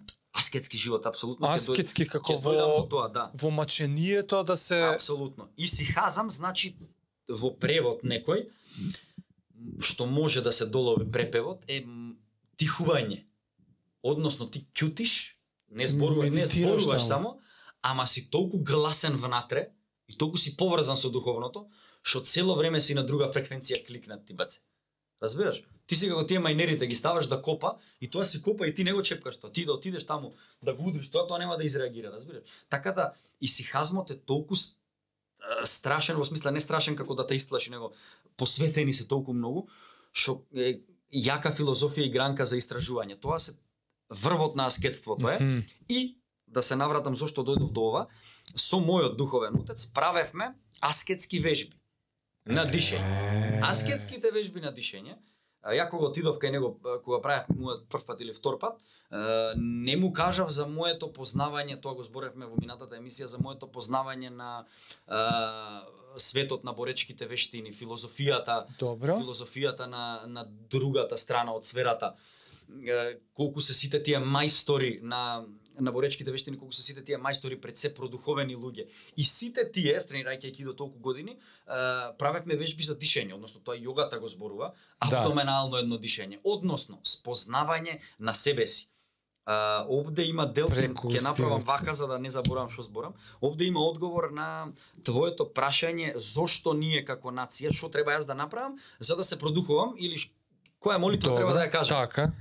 Ништо не треба да направиш, треба само да влезеш во себе. Ние телото свое не си го познаваме доволно добро. Така. Разбираш? А знаеме дека има клипови, има едни од како се вика овие шаолини кои што одат на сред Тибет, односно на Сибир, пардон, во минус не знам колку, ставаат врз нив мокро кебе и кебето го сушат Да, да, 15 знам, минути, знам, затоа што они сами си ја дигаат температурата. Ме сакаш толку ние сме мочни, умот е толку моćна алатка. Се навраќам на аскетските вежби. А, кога седнавме, кога седнавме со со него ја вика ќе ти кажам аскетски вежби вежби за дишење, односно основата е иста. На сите религии и на сите големи филозофии основата е иста. Дека се потекнува од внатре. Значи, ние и на академија дури, на прва година академија учевме вежби за дишење, односно како ти да си го освестиш цело тело. Да цело време да знам како ми пулсира малото прсте, кај ми е желудникот, кај ми е... Ме сваѓаш? Овде не ми е желудникот, сигурно. Добро. Кај ми е бубрегот, кај ми е желудникот. Се гледа, не си ги научи Да, вежбите. да, да. Ме сваѓаш и сега ти само треба малце да седнеш, да, да, да дозволиш тишината да, да ти е толку гласна, а да не ја слушаш, за ти медитирајки да си влезеш сам во своето тело. Односно, да го пратиш е, здивот, да го пратиш воздухот. И со Да, да, секој да. едно зимање на воздух ти да си да осетиш буквално како ако е ова представено на на, на анимирано ликче, како што земаш воздух така да ти поминува пулс Да. на, на друга боја. Истото ова, за, мешам многу теми, ама истото е цело време, истото го зборува и а, Джо Диспенза, каде што има докази дека луѓе сами изречиле, излечиле рак на одреден орган. Например, имаш рак на панкреасом, ти вика. Ти дава он guided meditation, кој што е многу основата е иста, патот е различен, а, кај што ти говориш со својот панкреас. Значи ти правеќи медитацијата, ти му даваш на панкреасот позитивни сигнали цело време и ти го лечиш уствари. Да. Затоа што ние сме кога ќе се пресечеш тебе одма ти зараснува. Па истото тоа може да го постигнеш на поголема штета направена во телото. најпросто кажано вика те боли нешто си го истегнал мускулот на тренинг те малтретирал тренерот за тоа 5 ден голем и така натаму нема нема кога да, да го кажам ова сега све му кажу вика замисли си го трицепсот што ти е прегорен замисли си го дека цело време ти го обливаш со некоја боја што ти е тебе омилена што тебе ти дава убаво чувство кога гледаш некоја боја пример Аха. Зелена боја ми дава убаво чувство. И јас цело време тоа го, го бојам со зелено, разбираш? И во душата имам многу Ја ми се добро вкарирано така. имам многу добро чувство и некако, значи таа е таа филозофија како ти се лечиш само што е многу подлабоко и е многу по по по подробно објаснето кога го правиш Да, тоа и да, кога ти да. гледа, пошто не може сега некој ќе рече, еј чекај сега малце јас ќе медитирам. М, добро, супер ова. Треба да посветуваш време и време Знам, и секојдневно да, го правиш. И да сватиш дека многу ќе фейлаш. Апсолутно. Попатно. Апсолутно. Што секој што зима медитација нов 500 мисли и мисла дека ај, ај, не можам. Да, тоа е тоа. Значи ти Не, мораш братче, да, треба. да исклучуваш се од тебе, разбираш? Ти за да направиш фастинг, колку ти беше рекордот што го направи? 72 кога снимавме. Е, кога снима, значи 72 сати да го направиш, треба времето, а постапно, оти ако седнам јас одма 72 сати, ќе умрам као влавот. Дури го научи вика магарето да да не ја да умре. Така да ме сваќаш. Така да не може ништо не може постепено, мора се да е полека, полека, степ бај степ, чекор по чекор. Кога правилно го трасираме патот, секогаш и кога цврсто газиме, секогаш стигаме до целта. Ами да се сватат поспорно, препреките по пат. Апсолутно. Затоа Дека се нормални, дека така треба, треба да да, се греши за да се треба се зема ризика за да се погреши за од грешките да се научи. Колку повеќе Да. грешиме, толку повеќе учиме. Затоа јас е, секогаш повеќе ја сакам желката на некој начин, ама онаа исплашената што оди малце Аха. побрзо, а не онаа спората што оди во комфорт, отколку зајакот. Ме сваќаш? Пошто убаво е да се и зајакот прави грешки, ама зајакот толку брзо ги прави грешките што нема оправка од тоа. Не ги ни приметуваме. Не ги ни- Да. или така, да, и цело време дека Така е, нема така е. Се ова што збориш е треба да е дел од твојот живот, не не одделив дел. Да. Мора да е пракса, мора да е ритуал, мора да е во пакет со верба, во пакет со љубов, од иначе се само црни букви на бел лист без значење. Апсолутно, дај книгата. Дури сменува, имам да ти прочитам две кратки песнички инспирирани од ова, Те молам. инспирирани од ова, овде се само зборчиња, но кога ќе ја сватиш кога ќе ја сватиш смислата, добива стварно значење. Колективно пијанство ми се вика, ова е ги три строфички кратки, се слушај сега. Народниот здив алкохол зрачи. Сите се пијани цело време, при бежиште бараат пороци. Значи, народниот здив алкохол зрачи. Здивот се впива во градскиот ветер. Ветерот оди во големиот етер, ние сите живееме во колективно пијанство. Пороците, светот, нели? Делузија владее на сите страни. Не обземаат маските, прикриваат мани. Значи, сите ние секогаш глумиме пред некој ставаме маски. Реалноста и свесното ги одбегнуваме сами, не ќеме да ги слушаме црните врани, затоа што црната врана ќе дојде и ќе ти каже брат че мораш да се бориш со животот. Не, ти си викаш ќе си најдам ја некое прибежиште, ќе направам нешто и ќе заборавам на тоа. Опиени живееме. Светови создаваме лажни. Реалноста ја премачкуваме. Трезни не постоиме. Тоа што викам тишината е гласна, трезна страшно е да живееш. Трезни не постоиме. Живееме за ноќта, денот не го броиме.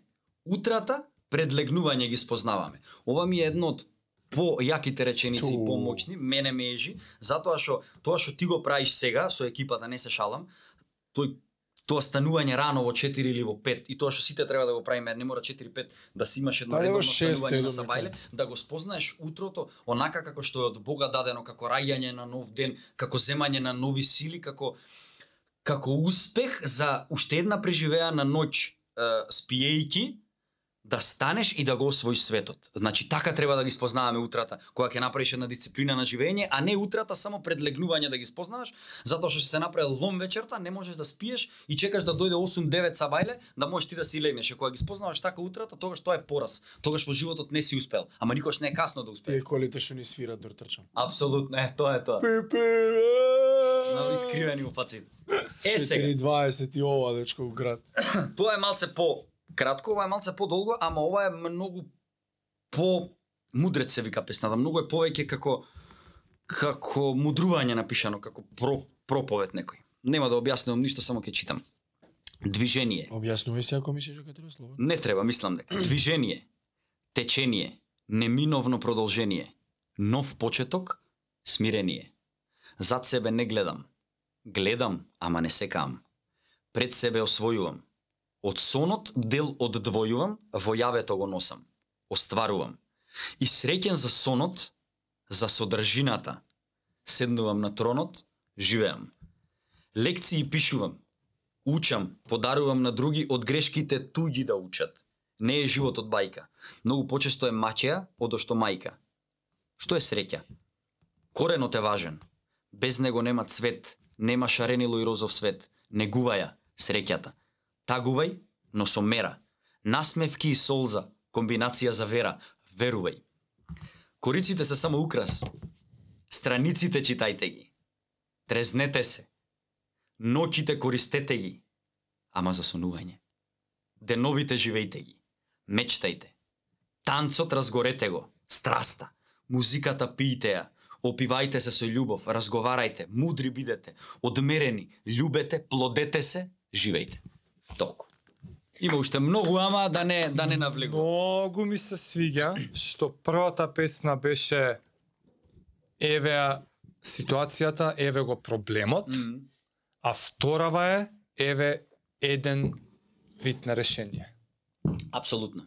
Оти која читаше првата, на крај као да ми фалеше, окей, добро, што сега со тоа? Да, да, да, тоа е проблем, што да правиме, ме Што сега? Окей, сите сме пијани, нетрезни, ама вторава е уствари Ке откриваме одговорот. една тајна, што е, дај малце, тоа од секогаш Ден Браун ми бил многу фасцинантен како автор, затоа што крие кодови, како што е овде многу Ден многу- Браун е кодот на Да Винчи? Да. како Викаш што е- имаш котче Чекај некој? како што е овде ова, ако го видиш, а не можеш да не го видиш, Андреја се вика песната, еве ќе ја прочитам. Среќа до безкрај ти и јас, безгрижни сништа во прекратка милна. Воздишки во врат до вечноста едно, погледи и молк, тишина разбирање, дланки во коси и допири нежни, безгрижни утра ти и јас. Кога ќе ја погледнеш вака песната еве како изгледа, има едни буквички како потенцирани, Е, што не би да, требало да. да. се потенцирани. Кога ќе ги прочиташ тие букви, излегува Андреја, тоа е името на мојата жена, сопругата. На мојата муза, на мојата љубов, на она што мене ме, ме ова сето за продуховност, за духовно што го правиме мојат, она само ми даде трамплин да заминам таму кај што навистина кога го осетив тоа што треба. Така да во цела книга има нешто вако. Ги има тие Само не се вака, не се не се акцентирани, треба сам да ги најдеш. Ако сакаш да ги најдеш. Најс. Позади сите зборови има има муавет. Затоа јас викам кога сакав да напишам, пишува 15 години Браво. поезија која ми рекоа во во три во книжарница, тие ја издаваа книгата и таму се продава, а ми вика, знаеш, зависи за што ја правиш, не се продава вика поезија кај нас, не чита народот поезија. Викам, ја правам, викам за некогаш книгата, разбираш? Ја правам за сега ако ја купи некој супер, ако не, нас сме живи и здрави. И да да се продават сите примероци или не, јас ќе ти ја дам книгата, па ќе остане негде. Па некогаш некој ќе ја напалка книгата, Да. ќе отвори и тоа внатре што ќе го прочита, ако го свати како што навистина е напишано, јас сум ја остварил својата мисија со тоа таму. Тоа е исто како со со милиарда книги, со Библијата, ме разбираш? Да. Ако ти го прочиташ, ако го прочиташ само формата, само фасадата, само зборовите, ништо нема да сватиш ако не ги разбереш тие зборови. Така да секоја поезија е таква. Ако не пробаш само да го мојата. проживееш. Малце. Да. Секоја поезија е длабоко, секоја поезија значи нешто друго, преносно, метафорично значење. Да. Затоа поетите јас многу ги сакам. Некој душата е историл на тие страници. Апсолутно. Значи овде има оставено брате 15 години искуство и солзи и смеја и неволи и како да ти кажам. Преубаво жаре, преубаво.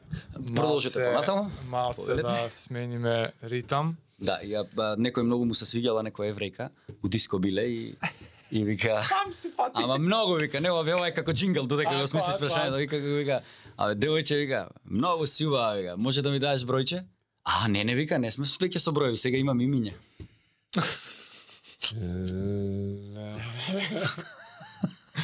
Завршува Окей, джингл. Да. Джингл. Сега беше време за нашите спонзори. Фала многу. Имаме ние едно е, така сетче од актерски прашања. Добро. И затоа што сме имале повеќе од еден актер на подкаст, или ке имаме, или ја ги измешав и се Имено ја ќе се објави со Да, другиот. Да. не, да, да, да, не, Почетокот на немаме ние кодови, Апсолутно. скришни пораки. Да, да, да. Епизоди се снимаат, се објавуваат, како и да е. Имаме актерски related прашања. Повели. Зошто актерство? А, ова Ти го лично- постават. Вака се. Да, сум го зборел на милиарда интервјуа и како што поминува времето, сигурен сум дека тоа е тоа. Е, затоа што Денес слушав една многу добра емисија. Е, тоа е уствари формат на емисија Round Table заборев како се викаше, Со глумците? со глумците. Со Денис, И денес со комичарите со ја која гледам. гледаш? Да, со Джим Кери, со Дон Чейрл, со Првите 10 минути ги гледав. Саша Барон, пресаме. Сите Да, тие. да, да. И Не сите имаат некое различно, баш ги прашав, сите имаат некое различно видување на тоа. Некој вика затоа што не знам што би бил ако не бев актер, други викаат затоа што ако го правам тоа што го правам додека глумам, а не сум глумец ќе ме затворат. Разбираш, ќе завршам во лудница. Некој вика, појме, секој имаше различно, а моето видување и кажување на нештото и стварно е така, е дека јас во животот сум сакал да видам многу работи. Сакав да бидам. Јас тоа го имам кажано негде и малце по поетски. Во еден момент од животот сакав да живеам на дивиот запад, да да одам на двобој со Били да Кит, па сакав со Ал Капоне да шверцам е, пијалаци во прохибицијата. Па е, најмногу од се што сакам и тоа се надевам еден ден ќе го остварам е да бидам временски патник, да измислам временска машина, тоа го правам како глумец патувајќи низ различни ликови и и времиња. Многу работи сав да бидам, сав да бидам археолог, тоа ќе бев најверојатно ако не не бев глумец, само оној археолог Индиана Джонс кој што се бави со со такви работи, со авантура пред се и сватив дека единствено нешто вакво можам да бидам и се што ќе посакам, можам да бидам само на сцена или на големото филмско платно. Е Тоа е. многу интересно затоа што и минатиот пат го даде скоро истиот одговор. Ете сум го И кажал. баш си правиме муабет со Жаре, ај пак ќе го прашаме да не има еволуција во во ставот, во овој одговор. А, Вака е сега муабетот дека Ама тоа е тоа. Ама коренот, Муабетот е корен, е тој, тоа. да, муабетот е тој, а еволуција има во смисла на вистина сваќам дека кога ќе ми речат леле е, мултиталентираниот еве сега во Србија ме запознаците леле мултиталентиран леле браво с талентите ова она. Не е тоа талентот, да, може да така се вика, талент. Дар, како сакаш кажи го. А, дар е поубаво затоа што јас не мислам дека тоа е ништо мое. Јас не се гордеам со тоа, леле колку сум јак што можам да направам. Едно време као дете го мислев тоа, да. Дури не гледав така на работите, дури не бев созран и пораснат. Сето ова што луѓето го гледаат како талент, како дар, како производ, кој што се покажува дека е успешен до сега, фала Богу, се надевам ќе продолжи да биде, е глас на некој друг, што јас само го канализирам. И таа поезија што ја гледаш. И мојот талент за глума, и мојот талент за пеење, и моите шоуменски способности. Јас гледам дека кога го правам тоа, на луѓето им е убаво. Собирам маси на луѓе на кои што тој ми е убаво. Мислам сите глумци, не само јас конкретно. Јас конкретно гледам дека се пове, на повеќе полиња можам да анимирам маси. А некако со шоуменството, кога го правам тоа, кога водам настани кај што можам и да глумам и да пеам и сумем си на целото, гледам дека на народот му е многу убаво и гледам дека тоа е мисија на Бог јас да ширам љубов. Односно ширејќи позитивна енергија, Да. ширејќи љубов, на луѓето им е убаво.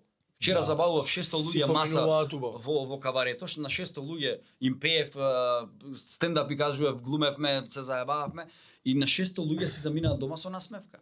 Кога затоа кога правиме ние добра представа, како на пример се уште не превазиджената представа а, Вардарски пастови кај што седум луѓе функционираме на иста бранова должина која ќе се споиме и правиме лудница на сцена, народот не знае кај е тие три сати и сваќа дека му се продолжил животот ние како актери, театарот како некое светилиште, режисерот што сите не собрал и сме го направиле тоа, тоа е само една а, мисија на на Бога преку нас.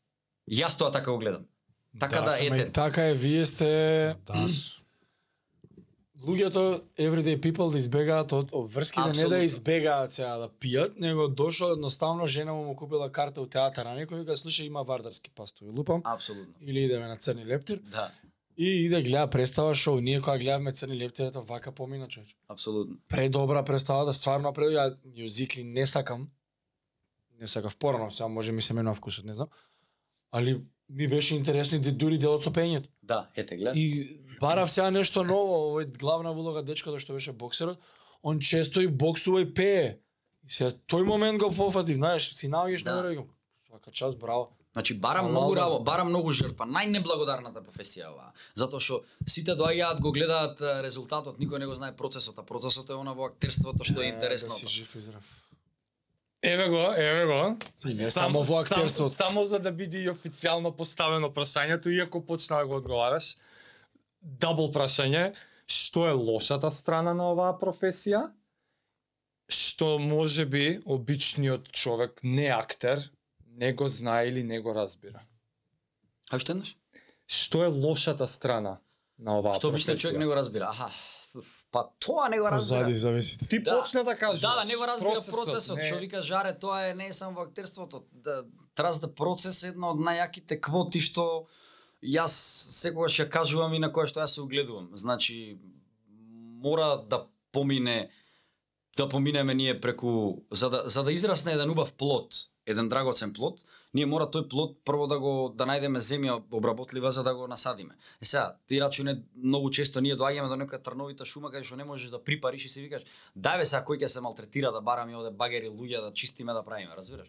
Е сега ти треба да влезеш, ја секој што го викам таква е, така изгледа една улога, ево прилика, градењето на една на една улога. Ми вика режисерот те замислувам, тебе во таа и таа улога. Добро, еве ти од текстот. Ја го читам текстот.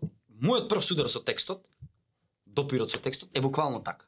Една трновита шума гледам јас. Ајбе, кај. Која што во тие два месеци додека трае од прва читачка проба до премиера, обично два месеца се трае трае тој процес.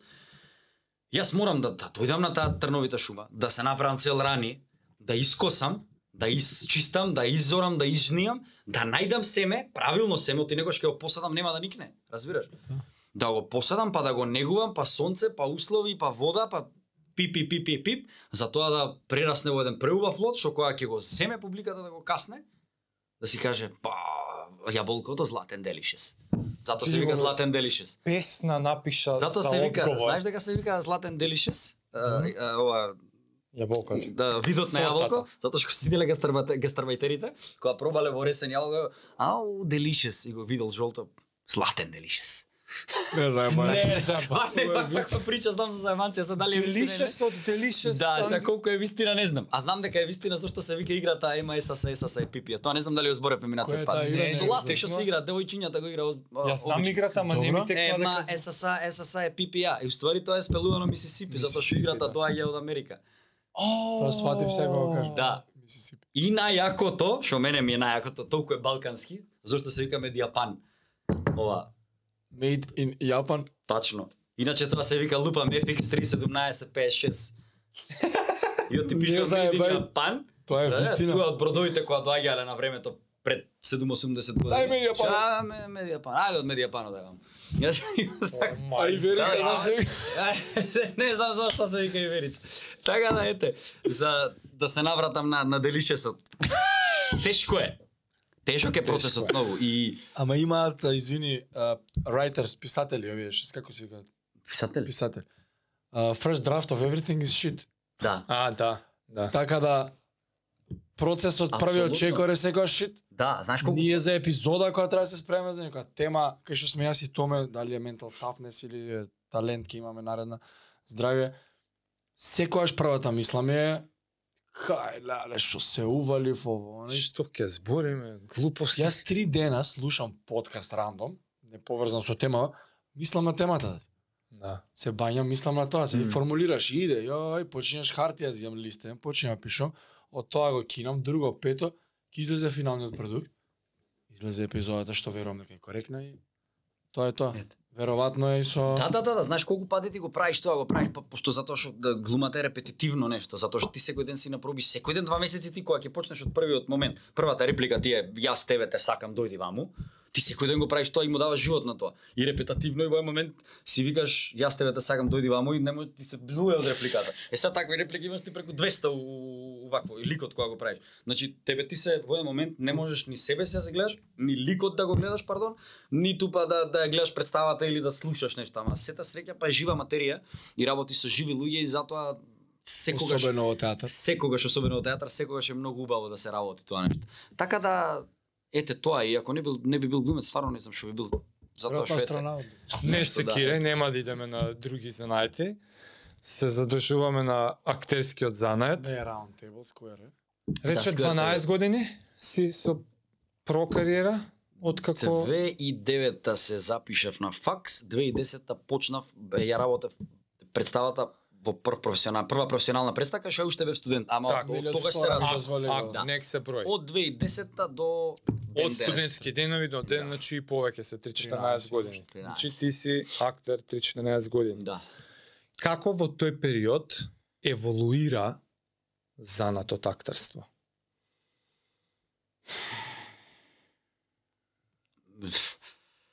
Праволиниски не е сигурно, затоа што немаше да бидам овде кај што сум сега, како животот. Актерството е уствари живот. Ти колку повеќе имаш животно искуство, толку подобар си како, толку повеќе живот му даваш на глумецот, затоа што што е актерството? Ако не твоето искуство да му го предадеш на некој друг. Односно, како што го споровме тоа дека душата се населува во едно тело, така ликот се населува во мојот живот. Ја затоа секогаш викам дека ние актерите живееме малце повеќе од обичните луѓе. Затоа што два сати на вечер, барем два сати во текот на денот, Жарко е на пауза, живее Жица, Буквално е на пауза.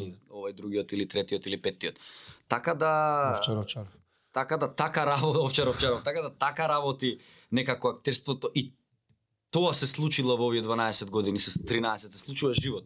Твојот живот. Да, е сега тука што спомна Жаре талент, јас спомнав преска талент исто, ти му даваш да талент на на целото. Мислам преку талентот некако излегува тоа со многу работа и со целото тоа искуство наречено живот се случува една кохезија што се нарекува актерство искуство, односно актер на сцена. Затоа некој е добар, некој е подобар, односно на некој јас сум му добар, на некој јас сум му лош.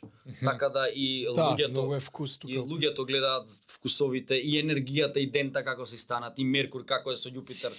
Што вика другар ми во четвртата куќа во газот на Јупитер, така е некако да ми извинат гледачите, ама тоа така е некако. Ме сваќаш, многу работи се, многу работи се треба да се поврзат и многу работи функционираат како машина од сате, тоа швајцарска, многу делчиња се за да може да се каже дека саатот е моментално 5.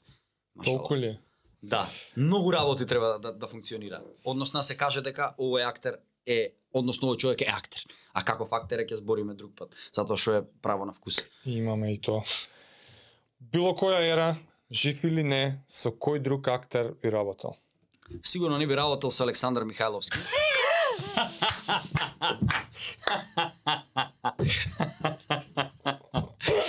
а, имам среќа Хонда мој драг што мојата епизода излегува пред твојата. И случајно знам некои работи. Така да е, многу си го сакам Хонда и имаме работено заедно и ми е голема инспирација. И знам дека секогаш ќе му остане сон да направи тело како моето. Не навлегувам, не навлегувам понатаму. Talk to my biceps, motherfucker. Така да а, ете сега него му е татко Тони што се дружи со Џон Малковиќ и свири брат. Мене татко ми е Звонко што свири тапани. Шала на страна. А, поздрав за Хонда, брат голем, си го сакам ептен, знам дека беше гостин овде и после мене ќе го гледат гледачите и навистина имаше да се слушна од тој човек, затоа што и него ментал тафнесот на Хонда е многу јак. А, Скрос има друг еден пат во како со родител познат. Апсолутно, да, и тоа е тоа е тоа е многу Различно, може- чудно, може благодарно и потешко, неблагодарно. Да, да, Ќе да апсолутно. знаете во епизодата. Да, гледајте епизодата со Александар Михајловски Хонда. А, ајде уште еднаш прашањето сега. Жив или Со мртов? кој друг Со кој би бил? би играл? Работел? сцена или глумец? Види, секогаш сакам да работам со со секакви различни типови на актери и различни години. А, битно ми е каков и да е актерот, а за да е добар актер, за да е добар актер, тука ќе се сложат сите луѓе и, и публиката. Некој е подобар или полош, ама ќе кажат дека овој актер е добар. Се дали е подобар за мене или подобар за тебе, не знаеме, ама би работел секогаш со актерот што а, го негува детето во себе. Што детето му е главен двигател. Кога ќе кажам детето, мислам на она човечкото, мислам на она главното нешто за живот, да се навратам пак на љубовта. Кога детето е полно со љубов, детето не знае за омраза, кога е мало Да, и сака да, да. се игра, сака да истражува, тоа е актерот. Значи, не Апсолутно, е актерот, сите луѓе, за да се добри луѓе и за да е, знаат која молитва да ја кажат, мора да си го побараат детето во себе. Затоа што нас како што растеме во општеството не става во пранги, во окови, во ни става боксес, во затвор не става, разбираш? Само ние треба да знаеме како се отклучува вратата однатре да излезеш и да think outside of the box, да бидеш да, да си играш цело време да сакаш да правиш работи. Пример некој со кој што си работел? Даниел Дей Луис, Роберт Де Ниро. Да. Не, може, Старени се так- сега, јас кога ги начекав не беа баш толку спремни. такви идоли. Ама може, може и си сретнал веќе со некој таков? Со сите до сега што сум работел некако го наоѓам тоа кај нив поготово е мојата екипа од театар комедија затоа што сме сите некаде горе долу иста генерација да, а, и некои од постарите исто го имаат задржано детето во нив. А, со луѓе кои што истражуваш заедно со кој што влегуваш во непознатото, влегуваш во таа трновита шума, знаеш дека ќе ти помогнат. Конкретни примери не знам како како би издвоил, но тоа просто доаѓаш на проба и гледаш дека кејф ти е, не сакаш да си одиш дома, ти поминале 4 сати и тебе ти е преубаво, разбираш. уште, да. Истражуваш, пошто актерството пак е игра, ти глумиш нешто, правиме некои вежби заеднички, говориме текстови, по тие текстови излегуваат импровизации, па кога ќе се затресеме глупости, па вицеви, па вакви како примерот со Златен Делишес и така натаму. И просто гледаш дека тебе ти е животот убав и дека си и да, и дека ти е убаво, ти се лачи ендрофини, ти е многу кул како после тренинг. Разбираш? Да, да, исполнувач. Некако така, така некако, а конкретно име и презиме не знам. Не бе не, ако ако тоа е Стварно тоа. не знам. Тоа е тоа е твојот одговор. Да. И фајнали нели има те метод актер, те ваков, онаков, не ви ги знам сите терминологии. Да. Сакаш така технички одговори, сакаш и по-филозофски. Прашањето е каков актер си ти? Па најдобар. Па се, да, како се ти кажеш. подразбира. Тоа- Види. тоа Па јас сум најдобар актер. титул. Да. Муабетот е дека одговорот веќе го дадов во претходното прашање кога го објаснував за животот, дека тоа е актерството. А, е, зборев минатата емисија, ако се сеќаваш дека ме примија на академија во Њујорк, што не отидов ради короната. Е, да. Тоа е мајснер техника. А, многу голема техника исто. А, значи, зимам дел од ма... не нема да гњавам што значи сега што значи. Добро. Некојаш зимам дел од мајснер, некојаш малку од Станиславски, Станиславски е библијата за актерите, само изградба на актерот се вика. Тоа е метод актингот уствари. А, има некогаш бараш од надвор нешто ќе те инспирира во смисла ќе земам лик пожаре ќе го направам, ме разбираш, он ми е инспирација, некогаш па од внатре го барам тоа целото. Али никогаш не е само едното кај мене. Тоа тоа тоа ми беше главната поента. Од сите тие метод актинг што викаш не ви ги знам, јас од сите барам комбинирам. Секогаш комбинирам и секогаш има по нешто, али најмногу го барам тоа во искуствено. Затоа што кога ќе кажам искуствено, сега колку и да звучи филозофски, ама така и ја почнавме емисијата, колективната свест е за сите иста. Таа душа што е во нас, што кажав дека ние се знаеме, само треба да се подсетиме на тоа, Мгм. минувајќи низ фази од животот. Секогаш медитативно навлегувам, пробувам со изворот да се конектирам и од таму да земам од од работите што јас мислам дека искуствено не сум ги поминал, а уствари сум ги поминал некогаш некаде и само грабам од таму. И сега кога ќе си го кликнам тоа кабле на мене, ќе видам дали ќе ме трзне за да го направам во тој правец актерот или не, односно ликот, ликот или не. И секогаш е многу добро на цена, многу често можете да слушнете дека партнерот е се на цена. Кога имам кога имаш партнери на цена добри и кога они можат да ти дадат добра фреквенција, добар трамплин, пинг-понг да играш, тоа е многу кул. Пинг-понг во смисла така се вика енергетски. Да, да, да. Ме сваѓаш? Така да комбинација од многу работа. Добар тандем да си со некој. Или тандем, не мора тандем, екипа или било како ме сваѓаш. Јас не не бев никого не познавав во Белград за да веќе се каже дека сум добар тандем, ама беа доволно големи професионалци Ама, и многу даваа што користев од нив, разбираш? Што викаат е, најголемите мајстори за боречки вештини? Секогаш користија силата на другиот, односно слабоста на другиот. Си, е, силата на неговиот удар искористија ти за него да го повредиш. Да. Ме сваѓаш? Така да некако така функционира тоа. Тоа посебно у аикидо е Джудо, мислам дека И у тоа. џудо го има, и Ај, аикидо го има. Е, да, да, Да. да, да, да, неговиот моментум. користи го кога ти вика искористи го гневот и лутината на Да, тој, другиот ај, ти за момент ти се да го тргнеш. скине. Ме сваѓаш? Така да тоа е тоа. А сега Некако. смееш ли да откриеш у Београд кои филмови А, представи или не се знае уште? Вака сега Или потпиша со продукцијска куќа што ќе прави? Вака, да, потпишав со продукцијска куќа, се отвора нов театар во во Белград, театар Одеон се вика. Тоа ќе биде музички театар, театар со мюзиклите што ми кажа? Да, но тоа е театар кој што ќе биде еден од најспремните а, во светот, технички зборувам. Значи поспремени од Вестен, поспремени од Бродвеј. Истата опрема само Ама, бе. апгрейдната за 5 години. Најновата опрема се купува.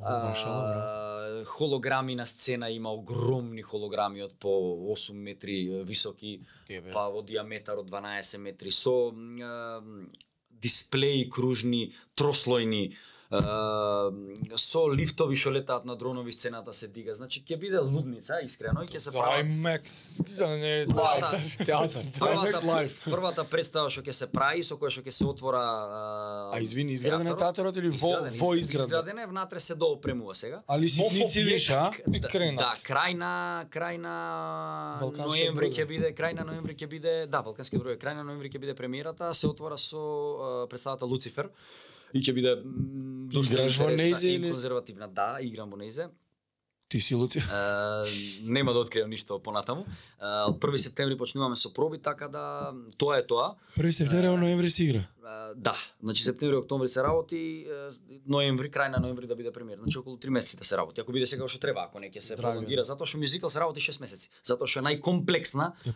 Зачудиш, Најкомплексна не- врста на театар е, е мюзиклот, затоа што ти пред се мораш да си екстремно добар глумец, да ги направиш сите глумачки работи, па да си добар танчар да ги направиш кореографиите, па да да да си екстремно добар пеец за да ги совладаш песните и сето тоа да го вклопиш во едно. Најтешката содржина на театар, форма на театар е мюзикал. Така е. Затоа што Така и личи.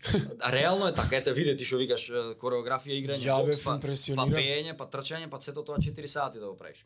Дали ради тоа и како и го преферираш тој тип на проект, имаш некоја преференца? Немам преференца, од секогаш одговарав на ова, јас моја измишлјотина се имам и е, колегите често се слушуваат со мене, јас имам нешто што го викам актерска хигиена и секогаш сакам да играм различни жанрови.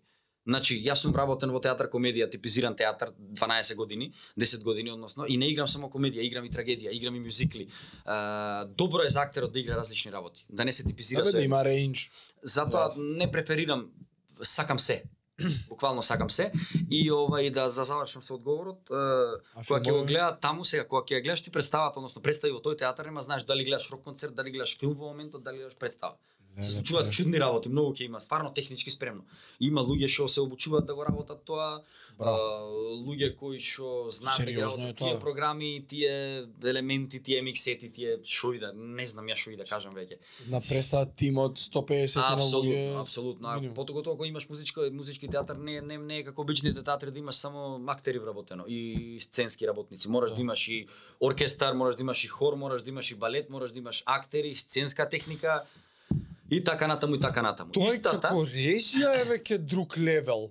Да. За самиот Да, режисер, па затоа таму работиш ти, има еден главен режисер, и тоа тука има асистент режисер за глума, кореограф имаш, имаш диригент, сите тие работат заедно, тоа е голем тим. Матери. Така да доста комплицирано е и затоа е интересно. Затоа е интересно. Затоа е интересно. О, дел ова беше со сакаше за Да, и Да, се а сакам да чекај со представиве само за овој театар или? Само за тој театар, мислам да си останувам и во, во други вене. Теразија тука, си. тука кај нас и во Теразија. А, истава комедија продукција. више не го рачунам, таа разија си остана. Да, да, Се да. Комедија си е по дефолт.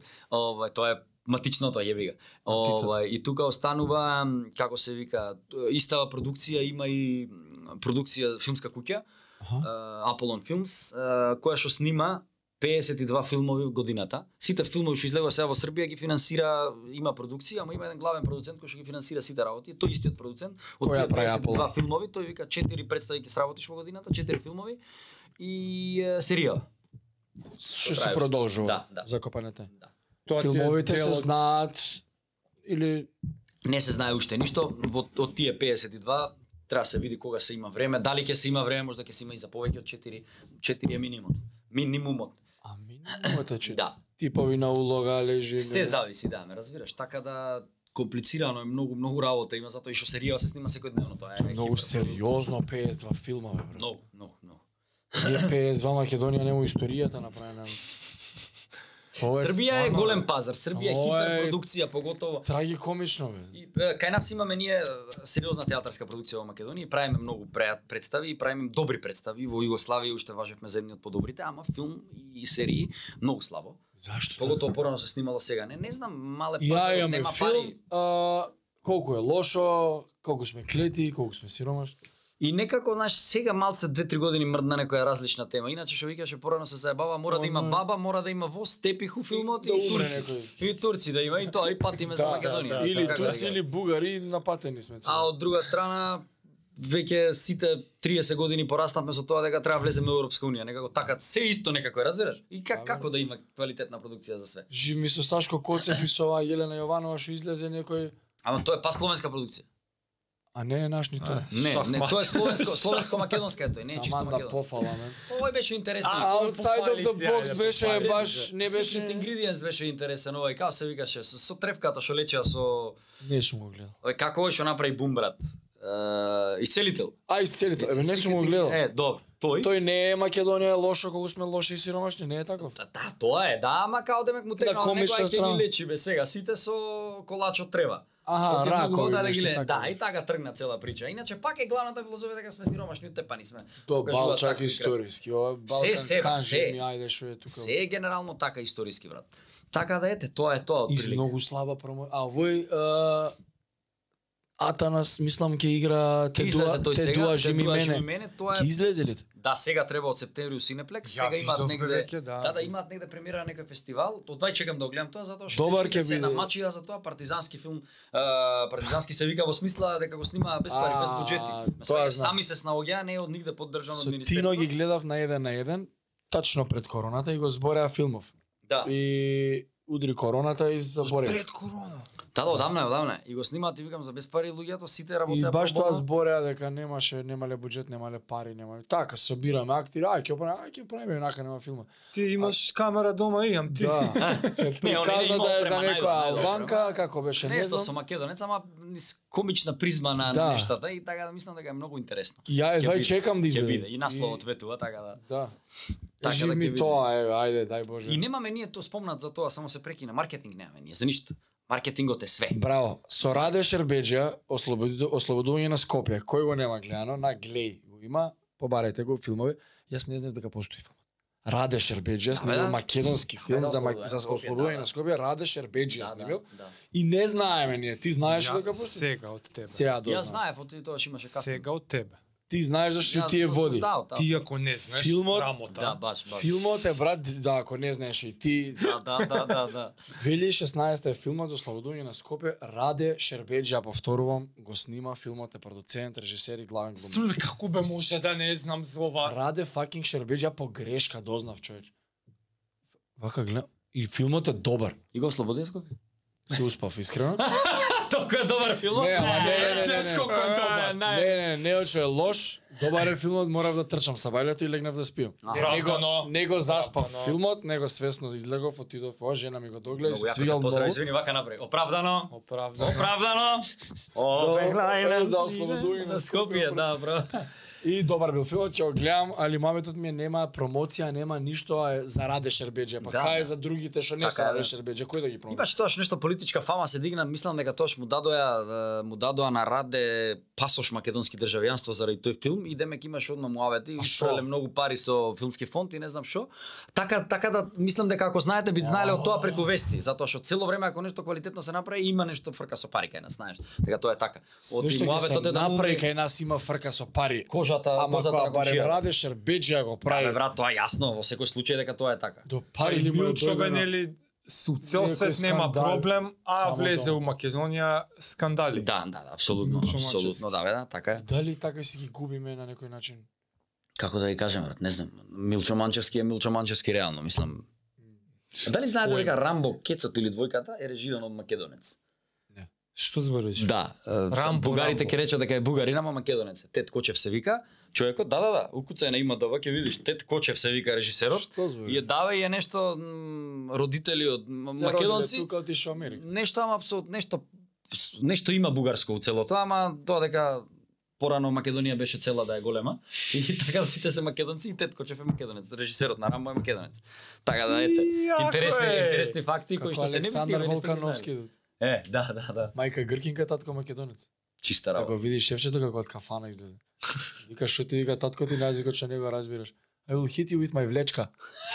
Со папучата. Не, ама. бе. Да, бе. Ле. Овој најак на свет. Легендар. Ја имам уште едно така Повели? или не, да не, не ти влегов не. во збор. А, така по филозофски. Иако на многу начини ти и одговори на ова прашање, ама може ки имаш уште едно екстра видување. Мгм. И многу ми се свиѓаше прес како рече наместо талент дар, дека дури него ни осеќаш како твое, како не си ни заслужен за тоа нешто, ти си само еден проводник на нешто друго, спроведуваш нечија дарба. Во тој контекст, ако се гледаш како така, дека ти си од негде создаден на оваа планета, зашто си создаден на оваа планета? Која е твојата цел, улога, роља, поента? Зашто си ти тука? Што би рекле србите за голи курац. Тука завршуваме. Тука завршуваме. За да Поздрав. со инспиративен код. Да, за заради а, па не можам да ти одговорам, одма морам да се навратам на на целото дека да, тоа е дадено е нештото од некого, Зашто е ама мораш да го негуваш. Ако сакаш да бидеш верен почитувач, слуга или спровод, спроводаджија на нештото. Тоа е исто како што Господ не е дежурен слуга на сите над сите нас. А, не може Господ да пази цело време што правиме и како ги правиме нештата. Ова е многу бе објаснато во да разговори со Бога. Не сум ја толку паметен за да го кажам. А, Господ ни дал на сите уми разум за ние да го користиме тоа правилно. Тоа ти е исто и многу пластичен пример и многу добро објаснено, тоа ти е вика исто како си ги пуштил ти децата позади од дворот, што знаеш дека ти е совршено ограден и безбеден за децата, ама ти у моментот не знаеш децата дали играат криенка, дали играат ластик, дали играат појма немам што. Тепаат. Ама знаеш дека си играат таму, дали се тепа, ама знаеш дека пак се некако совршено безбедни затоа што сум ги си им ги создал условите да да си имаат безгрижно детство. Нормално ако потпаднат ако се изгребат ти ќе им помогнеш. Така и и Господ некако работи. Он ни ги дава работите, ама ние мора да сме доволно свесни за тоа он ни дал ум и разум и расудување за да ние знаеме што е добро, а што е лошо. Односно, што уште понатаму во книгата подобро објаснето. Не можеме ние да функционираме без противностите. Ја нема да знам што е добро ако не го спознавам Така, лошото Да. и да не навлегувам понатаму во мал милион вакви примери. Така да Господ ми ги дал тие дарби, ама и ми дал е, доволно свест, ум и разум за јас тоа да го негувам, за јас да истражувам, за јас тоа да го подобрувам, за јас тоа да го негувам и да го заштитам. Мојата мисија Е, така. е, ако мене ме прашаш, а мислам дека многу ќе се сложат на, на, на некое примално ниво, е тоа што го кажа Феникс кога го зеде Оскарот за, за Джокер. Ние сме вика, односно јас сум гласот на безгласните. Има многу луѓе кои што немаат храброст да го кажат тоа што треба да го кажат. Твојот лик ќе го направи тоа, ќе ги охрабри. Односно, мојата мисија, мислам дека е најклише да го направам светот подобро место за живење со тоа што на луѓето ќе им ги освестам некои работи, односно ќе им ја разбудам љубовта, ќе им направам да се чувствуваат убаво. Како што минатиот пат кога бевме, вас у студиото и на сите што гледаа, им направив да биде убаво, целата енергија се случи да е Така. убаво. Како што вчера на 600 луѓе им направив да им е убаво, со што вика Джим Кери со моето кловнисување односно со со дарбата што ми ја даде Бог преплетена со смислата за хумор. Некако. Односно со некој лик што сум јас го креирал 4 месеци за филм, кај што јас метод актинг сум го проживувал тоа што треба и сум си јајбал мамата буквално кажано за да го најдам тоа што треба и сум пател затоа што јас кога се нервирам на сцена, кога се нервира глумецот, јас се нервирам. Реално мене крвта ми зуи, ми, ми, ми струи, јас стварно се потам. Се се случуваат чудни работи. Јас го поми... ја давам таа жртва, ама знам дека на тие публика ќе им направам да им е убаво. Разбираш, и на тие што гледат филмот. И сега мојата мисија би била кога цел свет би можел да го да го направам да се чувствува убаво, со тоа што би успеал на на светско ниво, не само со овде на локално и малце поглобално, него на светско ниво, дај Боже да да стигнам да да можам да ме гледат на некое големо платно, кај што со сета своја жртва посветеност и, и воркохолик воркохоличство што го имам, ни сигурно никој го нема кажано вакво воркохоличство што го имам, да направам такви ликови и такви производи, филмови и проекти и представи каде што големите светски маси некако ќе ги поттикнам за нешто. А поттикнувајќи ги, ќе ги направам подобри луѓе, за да го направиме овој свет сите заедно подобро место за живење и преку тоа јас да станам уште подобар човек. М. Тоа е некако мојата мисија. Ако супер. Бо. Ако може да се каже некако. На кратко вака во пола сат. на реченица без интерпукција беше ова, да пробаш да ја напишеш, нема, да, да ја кажеш на, на ова на artificial intelligence, напиши ја реченица, ќе се багне. Нема да може да ја напише, разбираш? Кул, кул. Така да некако ете така ги гледам сите тие работи и и е убаво што ете ликовите тебе те наоѓаат, ти не ги наоѓаш ликовите. Значи не можеш ти да одбереш лик, него ликот те бира тебе. Така е и со пријателите у животот и со случките. Ова Затоа Затоа што- со универзумот. Апсолутно. Се што се случува кај нас во Нема живот. Случајност. Се што се случува во животот, се случува за ние да се спознаеме себе си присетувајќи се на тоа што нашата душа го знаат колективната свест. Се што ти се случува во животот е со причина да знаеш како ти реагираш во тој момент и како ти растеш како човек. Секоја една работа, дури и ова второ наше видување, поготово првото наше запознавање, да речеме, затоа што не го се знаем. И, и оваа тројка како како спојка. Тројка како спојка. Значи ништо не е случајно, буквално и се, сето тоа се големи работи. Не е као е, ама пак ќе кажам се е тоа стварна перцепција затоа што некој ќе каже се собрале таму некој студио, се варат на 50 степени и зборат глупости, разбираш? А уствари ова е многу многу голем. Ја гледам и, и на првата емисија и коментарите доле што ги читав и луѓе што ми збореа колку таа наша овде забава, раскажувајќи ја мојата животна приказна низ призмата што јас ја ја имам и проткаено со хумор, колку луѓе мотивирало. Ме сваѓаш? И сите ваши емисии колку луѓе мотивирале.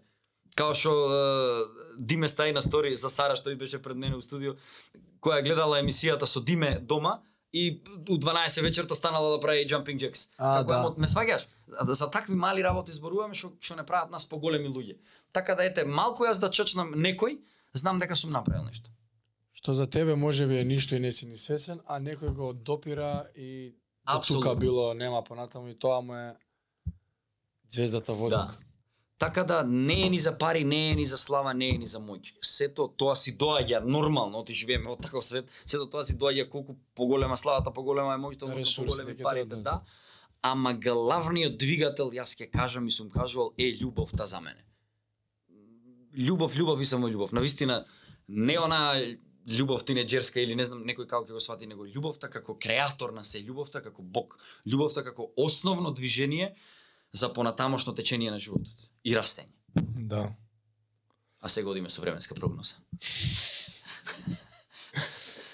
А Преска спомна, ја спомна сопругата во многу убав контекст како и она уште повеќе ти дала Да, елан ли те подбутнала како рече екстра екстра мотив ли сакаш малку на тоа да. да да разглобиш повеќе Отворено како тоа. Како со неа и, и тој однос и таа меѓусебна прифатеност уште повеќе ти ти онака беше испореализиран на Да. милион полиња и сега се наоѓа уште една душа со тебе и уште еден ветер у грб што се причина вика. повеќе. Апсолутно. Знаеш тоа како е некако објаснето? Ако ја запалиме оваа свеќата овде ќе има пламен сега, разбираш? И, и целта на тоа е остварена. Тоа гори. Разбираш? Добро. Ако таа свеќа ја ставиме на место каде што треба да се распали оган, под некои дрва наместено, наместени Мм. правилно, и почне да гори огнот, целта се зголемува. Ако на тоа, згора на се тоа додадеме малце газија или онаа хартијата брзо горечка, тоа станува огромен пламенот. Е мене така ми се случи. Ја Се што бев, само го добив епитетот по. По-добар, по-убав, помлад, покреативен, По неизина заслуга. Да, кога запознав нејзе, кога душата моја, одделена од колективното горе, влегла во ова тело и ја запозна онаа друга сродна душа, конечно после толку години, кога се спојија тие двете станаа поголем дел од целото. И така и јас и она заедно, мислам дека сме не не срушливи, не само јас и она, него кога ќе се најдат така душите, разбираш. Тоа не мора да се само машко и женски е, односи, тоа е со тоа и другарството, тоа се и Така. е. а, луѓето околу тебе, значи душите, Србите исто за тоа имаат душа се саме спајају, тоа кумот ми го вика. Со некој кликнуваш, разбираш? Да, да. И е, тогаш се препознаваат некаде нешто се случувало со тие две нешта. И после се разделиле, не се знае колку години разделени биле, колку ионс, што викаат, Епохи. сваѓаш? Или можда и до вчера биле за. Не се знае тоа ништо. Да. Ама гледаш дека нешто кликнува. Значи ова е јако, ова е јако, ама кога ќе направам вака е многу појако. Сваѓаш? Да. Така да така некако е тоа што ми се случи мене со со жена ми, од кога ми се случи мене тоа со незе како што ми одеше мене село нагорна линија само многу во понагорна линија со многу постабилна основа почна да оди нагоре. М. Така да пак ќе кажам, јас сум многу благодарен за тоа, затоа што пак ќе кажам, тоа е љубовта што ја кажувам, да, ама благодарноста пред се. Благо, значи кога си ти благодарен за нешто што ти се случува, тебе со ништа ти го живееш сонот. Ти вика, фала ви за ова што ми се случува, знаеш, ова го посакувам јас. Се што сум посакувал ми се остварува, разбираш? Ако сега мислам дека сум во фрка и тоа е за сите, ако мислите дека сте во фрка со нешто, сетете се дали пред година дена сте го посакувале ова сега. Да. Така да така некако треба да ги гледаме работите. Како како се справивте вака во попрактичен поглед, е кажа 50.000 километри имаш направено за некој месец. Да. Углавном сам си ги возел. Како се справивте со таа динамика? Сепак, знаеш, раз... не сте заедно. Во принцип, во принцип е, сме заедно, тоа сега да кажам. Она работи ремонтли и тоа е исто многу добра работа. Благодет. Благодет А, што цело време позиција. заедно, ме разбираш? Цело време сме заедно, освен некогаш кога ете требало инцидентно денес да појдам до Белград за утре. океј. Па да се вратам, тогаш сум и остал, али во принцип сме заедно нонстоп, секаде се се што правиме правиме заедно. Ја дека ја замислив, знаеш, ти си таму 5 месеца, она тука. Не, не, не, не, нонстоп, јас сум тука ти направи- затоа направи 50.000 километри, отисум напред назад. Така, така. И тоа ми се случува мене, е, имаше продукцијата проблем организаторски еден период. Ја планот го добивав у 7 на вечер, за да знам дали снимам утре са бајле од 7. Ја тргав за Белград у 8 вечерва. 12 стигам у Белград, легнувам да спијам, у 6 сум на нозе, за у 7 да сум у студио. За таква темпо правиме. Разбираш? За такво темпо збориме ние. Па добро, сега ги Затоа многу пати, да, сега да, сега да, сега готово. Затоа јас често пати ќе отидам на тренинг кај него на кросфит, правиме муавет и со колегиве, а ба идеме нешто помнам ќе со Диме зборевме нешто, да идеме после на кафе или идеме, не знам викам дали идам за Белград. Ќе ме пише околу 2-3 што направи, не знам. Како е брат, кога ќе трга, знаеш пример. И у 7 вечерта ќе ставам ја стори од граница. Жити све отиде. Да. Вау. Како да ти кажам.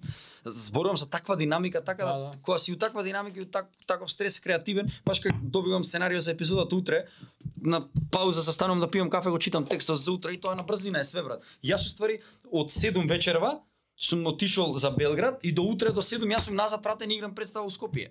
Значи у 24 сати мене ми се случиле 100.000 работи со 500 километри поминати, со 17.000 луѓе сретнати у денот. Ме сваѓаш колку за каква брзина правиме тоа, муаве? Не знам. Па, не, некако. То, таа е нешто, нешто ме движи и ми дава сила тоа што е најаго. Не ме троши мене тоа. Не ти е факт, Не, да. тоа и затоа најмногу ќе ми каже некој брат уморен сум, знаеш што ми така да му направам. Немој да ме. Секој секој си е со својот умор, да, ама знаеш кога, некој го, го бара уморот како средство за оправдување. Да, за да. тоа ме нервира. А од било од 8 до 4, Да. ручек, дремка. Поготово петоците ми беа најзаебани, извини што те прекинувам, ама се разбираме. Станувам у Тоа е 6 сабајле таму, рачунај. Односно, да, станувам у 6 сабајле, снимам од 7 до 3, брзам се да и снимам таму од сабајле, значи ти рокаш со снимање, си си легнал претходната вечер. До 12 колку и да си порано, не можеш да легнеш, не ти е толку навикнат организмот да легнеш толку рано, ме сваѓаш.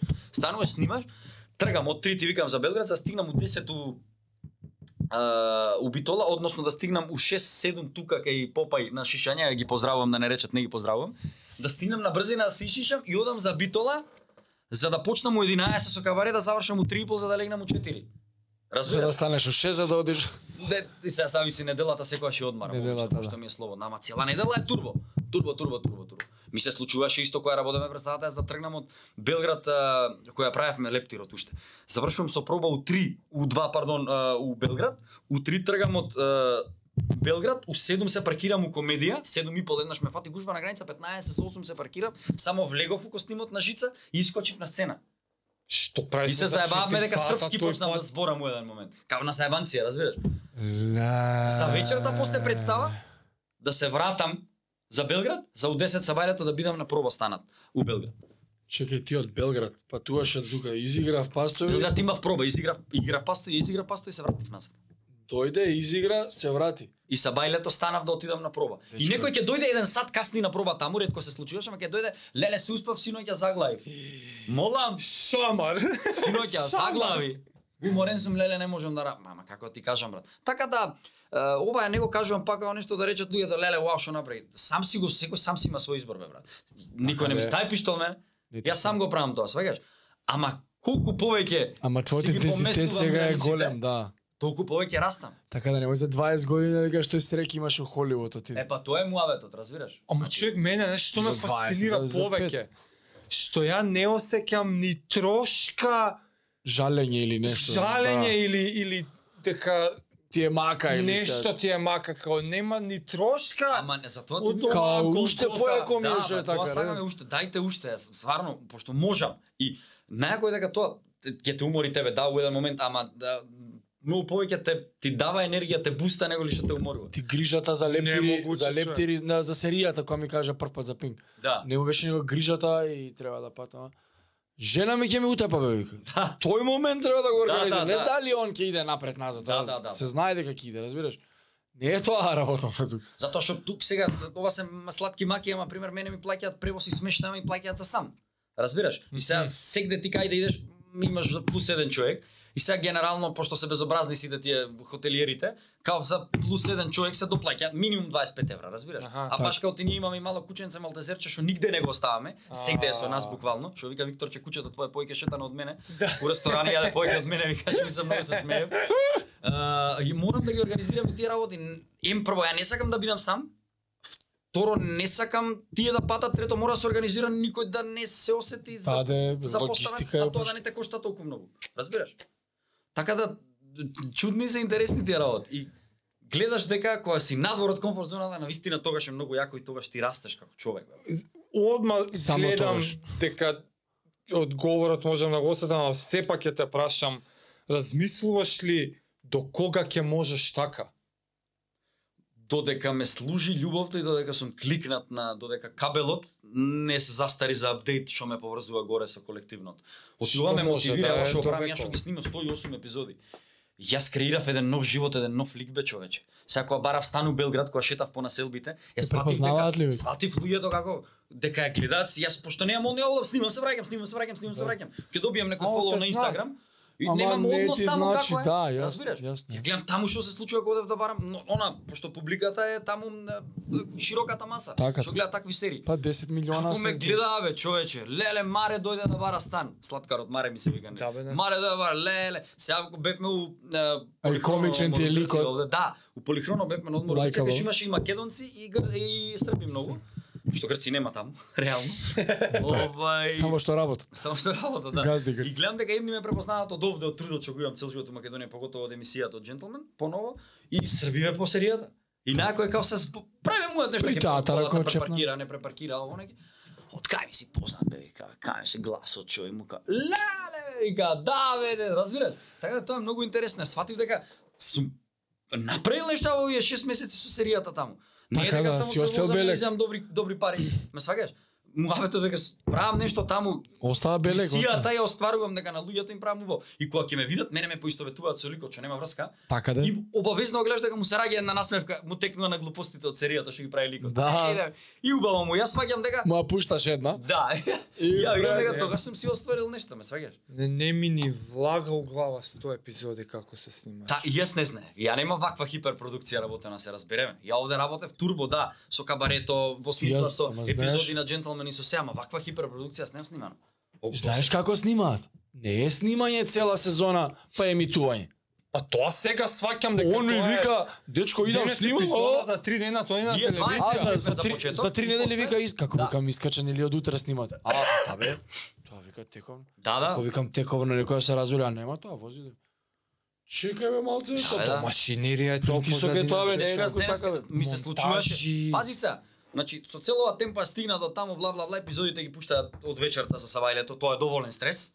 Се случуваше некогаш. Леле. Снимаме, и седум сцени имам за денес, и снимаме, и сега сме снимиле четвртата, треба да снимаме петтата, додека наместа сет имаме 15 минути со, со партнерите да поминеме текст. Таман ја учиш у моментот сцената, доаѓа се деси два пати тоа, доаѓа организаторот на снимање со листови, чека, вика, стој пауза, земете учете го ова, вика. Нова сцена стигна сега.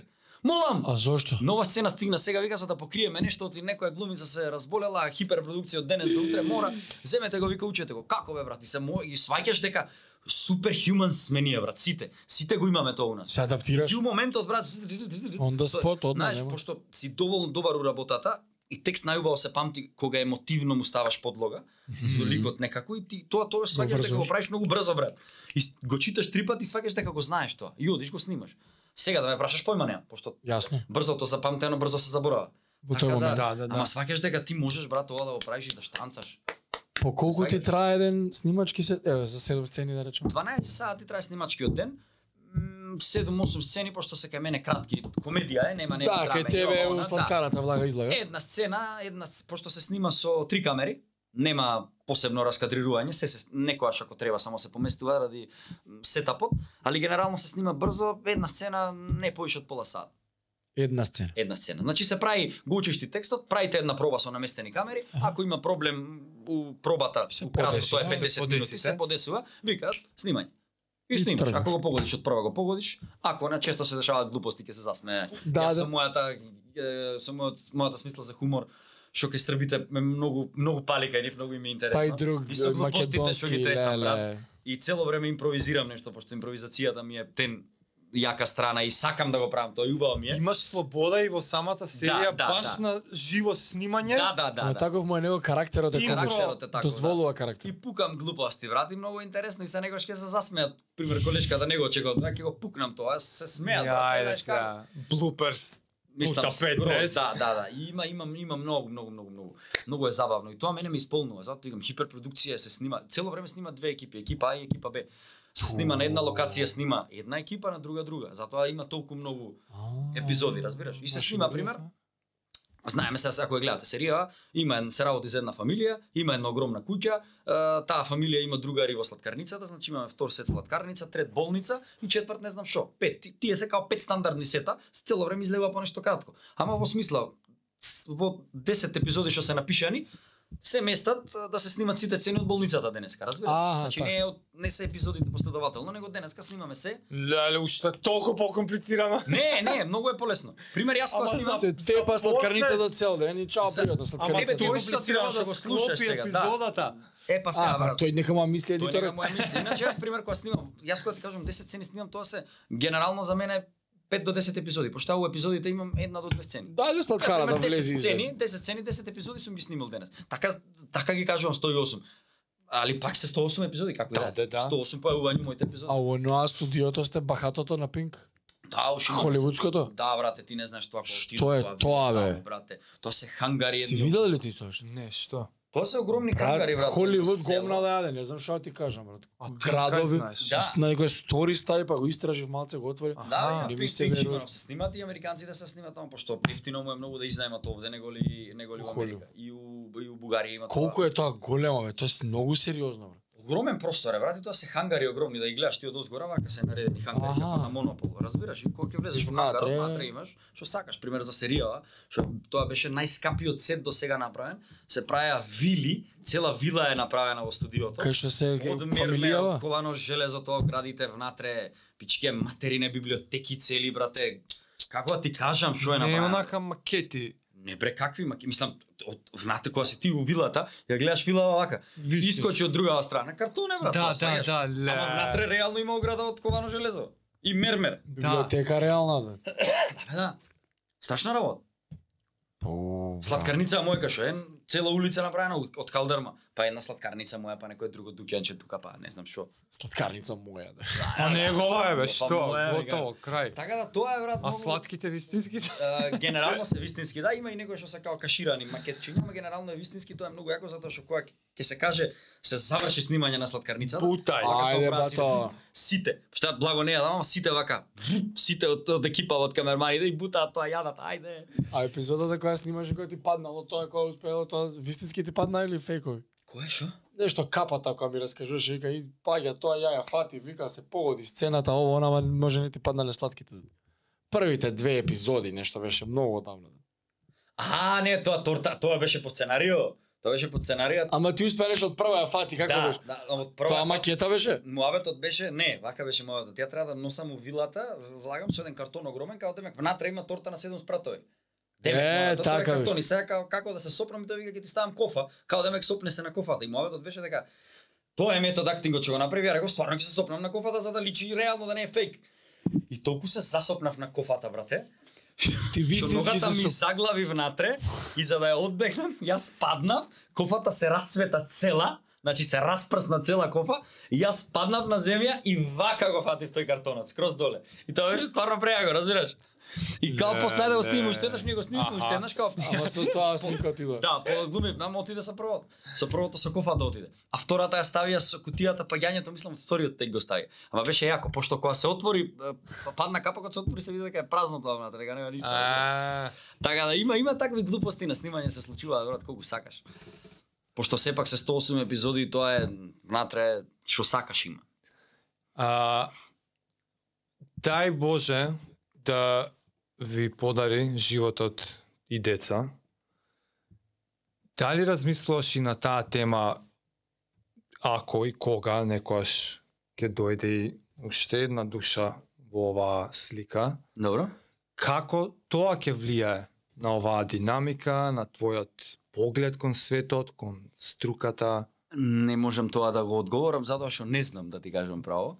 Очигледно, Да. не си уште таму, ама може размислуваш Но мислам дека кога ќе дојде во тоа мало тело здравје кога ќе се всади таа некоја душа, на принципот што го говориме до сега, така. кога ќе влезе таа душа во него затоа што нели спомнавме дека детето ги бира родителите, се надевам дека таа душа ќе си ги бара овие две делчиња што се споиле и мислам дека тоа само ќе придонесе ова целото што го кажав преска со пламенот и со огнот да Уште се по- појача, да, да се едно појача и да уште да е уште многу појако, нормално со овоземските обврски и работи што што би требало да одат следствено на тоа. Кога Да. ќе се случи тоа, ќе дојдам здраве потретан и ќе ти Така, кажам така. како тоа Ако влијае, ако, ако. како тоа влијае на ова целото.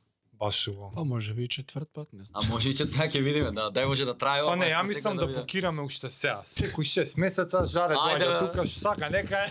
Се дешаваат работи кај мене у 6 месеца све се деси последниот поготово така да. Декември и август Си јави. Да. жаре. Ајде Боже. студио. Тука сме така да ете. Слушаш младен бук. Покира. Пиши да овој компјутерот. Целото ова за да функционира, за да јас ја имам силата што имам да го издржам ова, пак ќе заборавив да кажам. Ѓоко Танес. Е Џоко Танес. е а, физичката активност. Јас Да, без добро, моите го кажа, тренинзи, без моите тренинзи кои што се крволочни, немаше да имам оваа сила. Ради оној кретенот. ради тој кретенот. Немаше да имам оваа сила и кога не се дружам со тој кретенот, кај да сум, јас е, сериозно гледам да не пропуштам ба, тренинг, барем барем да не трае паузата подолго од 3 дена. Тоа е еден Сета среќа. подкаст ли што има еден? Е, да. А, Тежок ден. Е тој. А, сета среќа кај што спијам у Белград, до сега кај што бев сместен овие 6 месеци, а, сместен сум на многу баво место, што има супер теретана и спа центар и базен. Nice. Така да ако не правам кросфит или вежбите што на жаре му ги барам ремоутли, а, гледам да правам нешто или ако има оближна планина или на пример во Битола, после секој настап у, у петок вечер до 4 сабајле, а у 8 сум станат одам на Пелистер. Правам трейл ранинг, обавезно, и вчера тоа исто да го направив. Така да, ако не го направам, некој си викам, еве уморен сум, ај ќе спијам, нема да отидам кај кај тој. и сваѓам дека е, тие два сати што сум ги одспал повеќе, цел ден сум после како како да ти кажам, како Како дужен.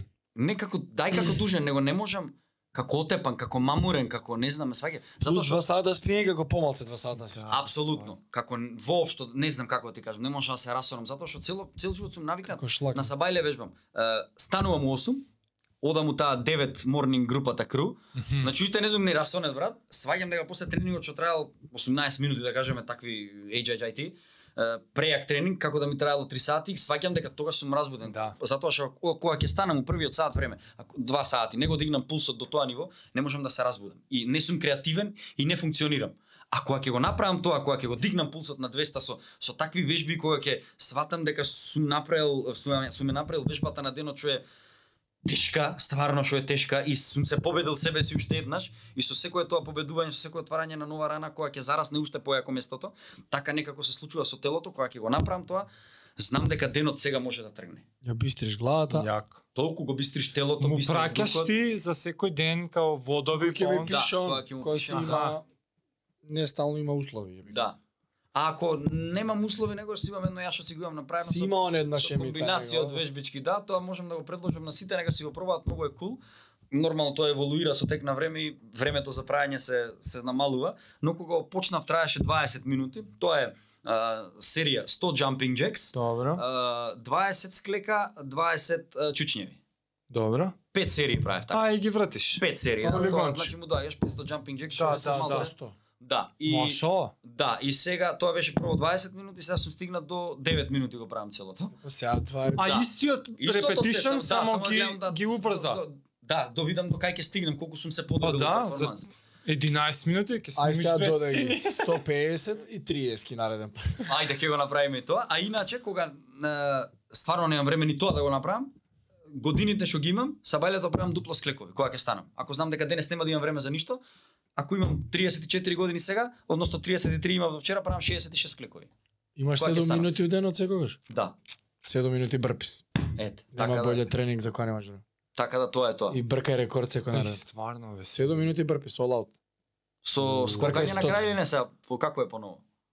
Господ знае више тие не се здрави. Зашто? Еве не мора, исправи се толку. Пошто брписот е нелика се скок, скокнеш, да, скокнеш, овој ама работата е да скокнеш на крај и да направиш Да, вака. Е, сега ново го направи да не скокаш, само си си. Стварно? Што е полесно брат, реално е полесно. Да. Правиш клек стануваш. Дека и онака после Знаеш зошто? Зашто 20. некој скокнува прави, некој не прави. И ќе ти каже, е, педера тој не скокаше, Да. направи побрзо од мене и се само исправи се. Ако не се исправиш, Да, да, да, тоа да. стварно си скапаница. Да, Да, да, да, да. 7 минути брпис. Пробај да бркаш над 100, секогаш. Ајде, ќе- ќе го пробаме. Ќе го пробаме. Најгнасниот open тест во историјата. Вау. Само таму беше на И муабетот ми е тоа тоа заборавив да го кажам. Работата да ги- дека ги гледам да ги направам една серија. Значи, е, склековите на годините. да, 68 од утре. А врзани? Да, да. е, Врзано како се беше, 60. бе? Unbroken. Unbroken, извини. Unbroken. И Тоа е муабетот, да, да. Не, тоа ми викаат у сала дека со склекови сум спремен, немам гајле. Ја еднаш во живот стигнав до 90 брокен и тоа беше пред 20 години и мислам дека више нема да можам никад у живот да повторам. Ја 80 последно направив театар. Ми изнервира, ајде дали ќе ги направиш. Едмон вика, ај правиш колку мене склекови. Му викам колку ги направиш, јас дупло ги правам. Викам се, леле, ти едно спремен Ама многу. направи Ама е 50. постар 10 од мене години и малце така. Ги направи 40, леле, викам кој ги прави 80 сега. Ле. А ги има имам една дисциплина позната во кросфит, се викаат склекови једовки. Тие се такви со лажење малце. Да, ги направи 80 така да така да не се жалам. Ете тоа беше тоа што сакав да го кажам, значи да, духовното, книгите, све. Ама доколку сабајлето не го направам тој тренинг, Све џабе друго. Све е џабе после. Ни книгата што ја читам нема да ја читам со исто ниво. Ни еве сега на одмор кога бев 12 дена, пошто стварно ми дојде, се уморив и сакав малце да лежам, пошто имав пред месец и пол дена, имав 5 дена, отидовме у Грчка со со жената и 5 дена само спиев, стварно се одморив. И сега од овие 12 дена, што бевме на одмор, 3 дена стварно спиев. После тоа секој сабајле станував у 7, одев трчав петка една, се враќав назад и после тоа па си лежев. Ама знам дека кога ќе го направам тоа Да, чиста ми е душа. не, не правам страшни не. тренинзи, ама Не си си е дужен. топ. Разбира, си е топ. Баш кога знам барем за одржување си е и се супер, си е така да. Не, не, браво што ти е текна да го спомнеш ова, затоа Да. што Нема, Ја тоа ми е основната филозофија на животот, како да кажам, тренинзите, односно физичката активност. Тоа ми е основата, значи најосновата како дишење. Возилото на душата мора да го Да. И со Значи- тоа што го сподели тоа, ја исполнуваш нашата поента на Да. секоја епизода, Апсолутно. да го кажеме колку е тоа важно и неодделив дел од животот. не само за спортистите ти. Дури за човек со Да.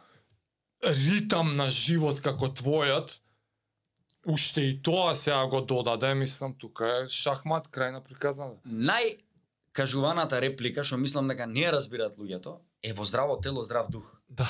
О, колку ту тежина има тука. има тежина тоа. Најпросто кажано, колку поздраво ми е мене телото, толку ќе ми биде појак духот, толку подолго ќе живеам за да ги остварувам сите мои мисии, односно мојата душа да ја спознавам многу повеќе од што сум стигнал на овој свет. Ова тело да ги спознае благодетите на животот некој друг таму од некаде и да сватиш колку е добро да се живее и колку е дар тоа што ти имаш живот. Што сите тие сперматозоиди ти си успеал да влезеш во тоа. И си здрав, прав, Тоа е тоа. ППП, Значи, Фала Богу. фала ти што го кажа тоа, затоа што ја има некад периоди живот која с... мислам дека мојата мисија е тоа. Е, проучување на што значи во здраво тело, здрав дух. Да. Тоа е животна приказна. Апсолутно. Не е тоа реченица прочитај ја разбери ја. Тоа е исто е истражување на нештото.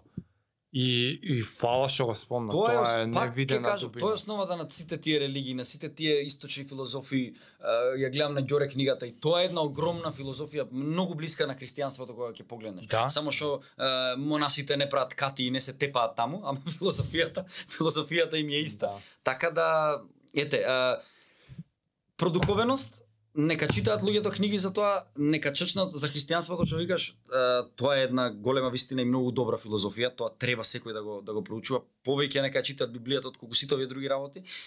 Ти провери си лично за исихазмот, прочитај за исихазмот, што Да, се да, да. исихасти, што е исихазам, што значи тихување и како целото тоа изгледа.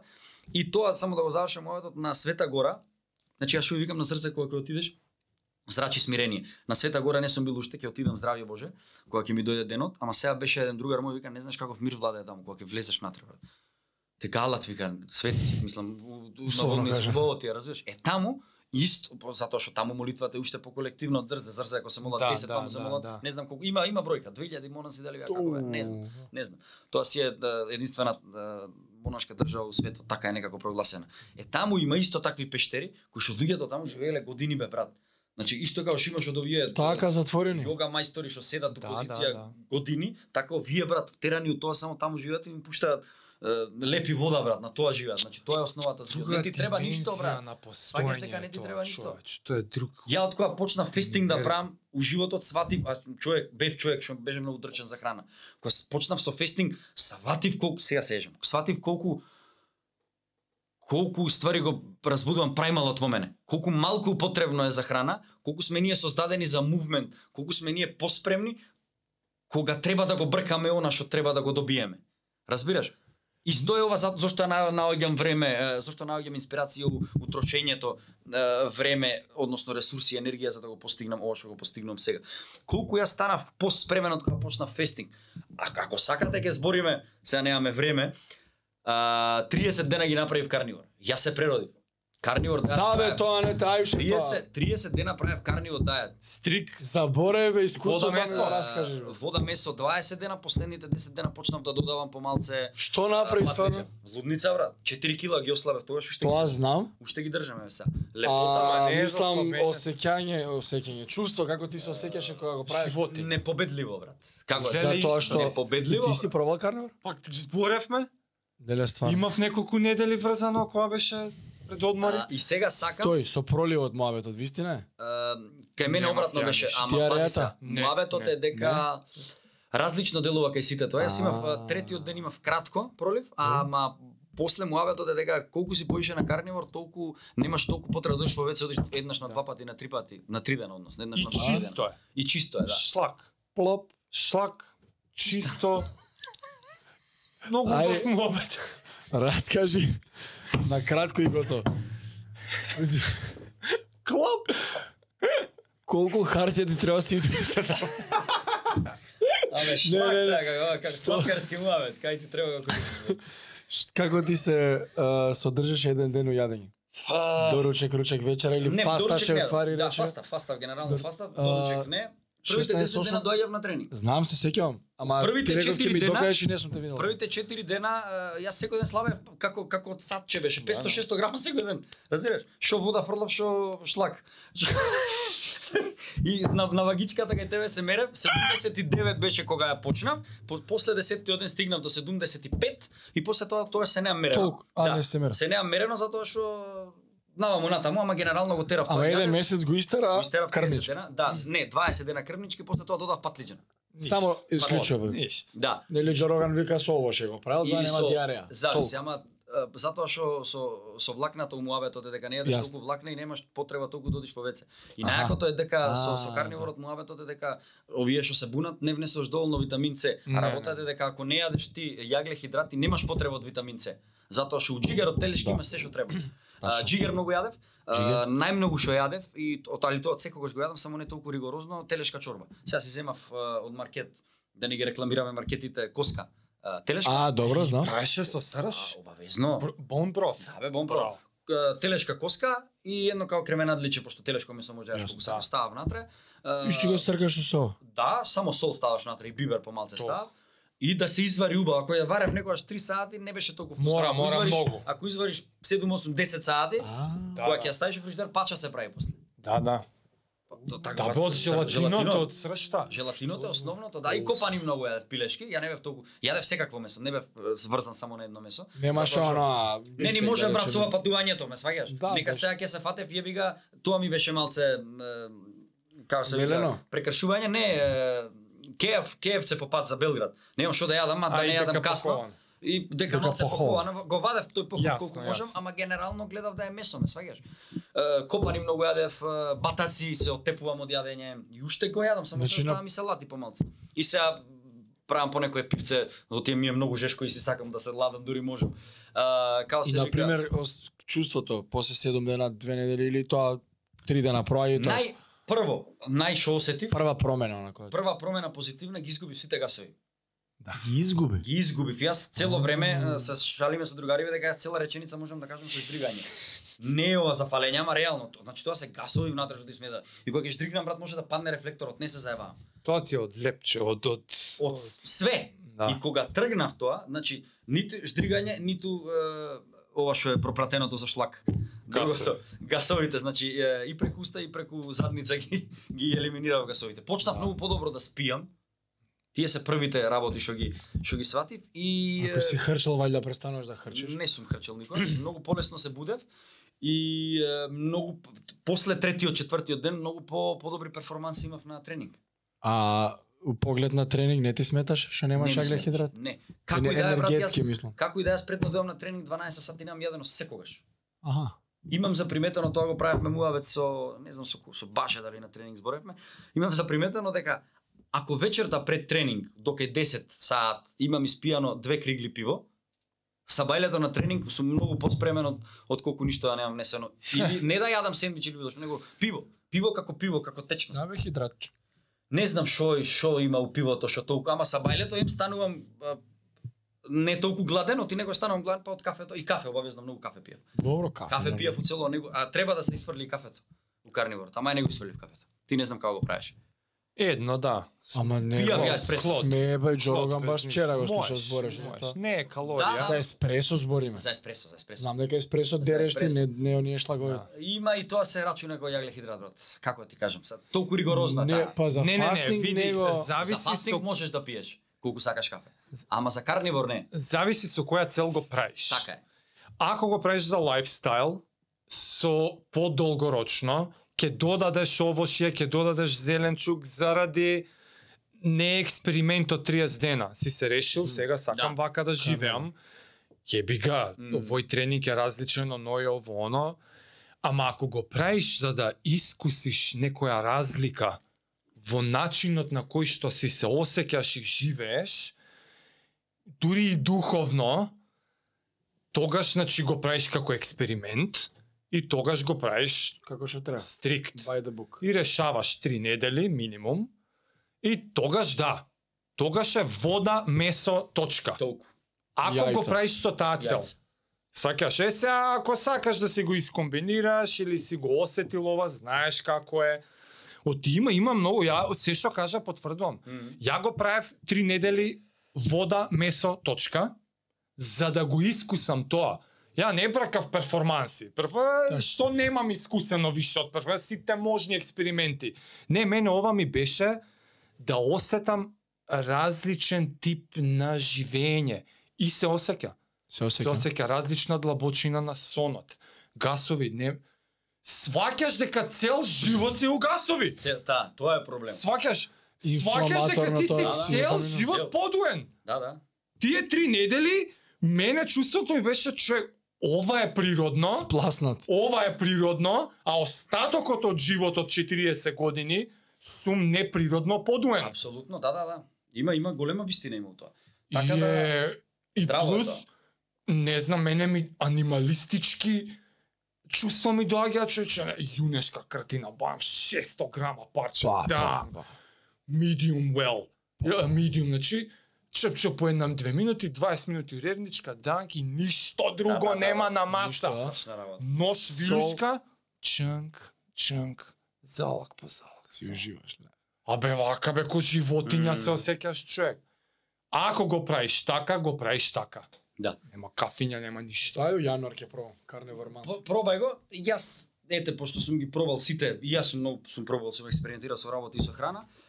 Таа некоја врста на кето, не знам се не е ни класично кето, али месо многу сакам, значи генерално да има месо, да. Да, иначе ова е епизода за сите вегани што се. Да, и салата обавезно, значи као една убава салатка да има без сосеви, без такви глупости, без значи маслиново масло Да, да, да. солца, да. Маслинова, балсамико и сол. Да. И тоа стандардното што Нема вика не јади не јади леп, не јади газирано, не јади благо. Тоа генерално тоа е основата, разбираш? Мислам некогаш допушти си. Нема од ништо да се скратуваш, ама да знаеш до кај ти е границата. Тоа татко ми секогаш ми викаше, сине пробај се у животот, знај до кај ти е границата, осети Така. што е добро. Така дете мора да најде да се најде некој баланс со животот, па макар и со ова. Ја исто секад кажам, има милиони, ни едно не е добро, ни едно не е лошо, Да. ама греф е да не пробаш. Нема правилно, нема Не погрешно. знаеш, греф е да изживееш 18 години живот, нити си постел, нити си пробал едо, ни ова си пробал, ни ништо не си направил. Што да Него- пробал едо? Не бе, редам. А, едо не знаш. А, едо не пробано тоа не, е. бе. Поздрав за едо, ако ја гледа едо емисија некоја. Ако издржал до да крај. те прашам издржал до крај, да. Нешто со постењето сега да те прашам, ама заборив. Немам класично постојано христијански, ако тоа сакаш да го знаеш. Изгледа со, тоа со сакам сета да- моја со сета моја филозофија, се уште го немам тоа така направено. Не за друго. Што сакаш месо? Да, ама и заради тренинзите, брат. Ми треба протеин кога, Ја. како да ти кажам. Значи, шест недели да се тргнеш од протеин малце, мислам се издржува, не дека не, Сум ама. гледал луѓе сала како вежба тој, така, Не го прави тој пост. За тоа викам. го три дена. на Така да, така, така, да. Таков. Се случува и правејќи го ова и карниворот уствари кога го прави во тие 30 дена два пати направив циклус од 24 сати да не јадам ништо. да не, да. Целосно. Е, да, тоа сакам да прашам. Кога виде дека испостуваш, онака стрикно, ти се подсетили на од сите религиозни учења, кај што се спомнува постење више и лјадници години, да ти дое некое чувство, види бе, не збореле за джабе, Ама да, апсолутно. го пишува ова у секоја можна религиозна книга како ритуал. Апсолутно. Не ај да се измериме медицинските бенефити. Не бе, има некоја друга духовна причина тоа. Тоа е муаветот дека ние нашите тела на денешницава ги убиваме, ги силуваме ние нашите тела со сите комодации што им ги даваме, Да. комодитети, пардон. Правејќи го ова, ти сваќаш колку колку повеќе го испостуваш телото, што нека мислат го мачиш, Да, колку не се откриваш- мачи. колку откриваш колку ти е појако телото, колку го ојачуваш и колку Да. внатре излегува душата. Уствари ти сваќаш колку душата, мајндсетот, мозокот како од, од кој аспект сакаш гледај го, колку од внатре тоа ти дава сила ова надвор да е јако. Да. Зашто се е способно, не си ни свесен. Тоа е ни, тоа. Ни, ни површината не ја гребеш. Затоа во здраво тело здрав дух и обратно ќе кажам ја е многу битно. Затоа што во здрав дух мора да е здраво тело. Ако е здрав духот, ако си ти духовно Ако е здрав, јак, мора да е здравото. мора да е здраво телото, неминовно. А ако е здраво телото, не мора да е здрав духот. Точно. Ти имаш ти луѓе Тачно. Да, бе, што да. се спремни атлети во нешто, да збиеш, кога гледаш изгледа Тачно. супер сикспек сау, духовно е Тачно, тачно. труп, како да ти кажам, разбираш? Затоа- Ама ако си вака, мора да е вака. Да. А кога се двете свесно кога работиш на двете, тогаш нема Тоа поек. е тоа. Направи Така да. паци. Тоа е тоа, дечки. Со еден виц може да затвориме и... Го у Америка нарачка? рекле, у Америка рекле, А, одма Спремно. у Америка рекле готово вика нема веќе да да има национализам, да ги делиме луѓето по, по боја, по по на сите ќе бидеме зелени. И готово. И се расипал некој аутобус у Кентаки таму, кај што има црнци многу, и шоферот рекол, ајде сега темно зелените да туркаат. Со овој нерасистички виц. да. Ќе затвориме тука. Апсолутно, не уште ова ќе го кажам. Ова е најнерасистичкиот твит што постои. Зошто ајкулите не јадат црнци? Дали знаете? Затоа што мислат дека се гумно од китови. Ај. Крај на емисијата, дами и господа. In my left corner, Жарко. In my right corner, Thomas Performance. And here I am, comeback of Jarko Dimoski, the actor. Thank you very much. And cut.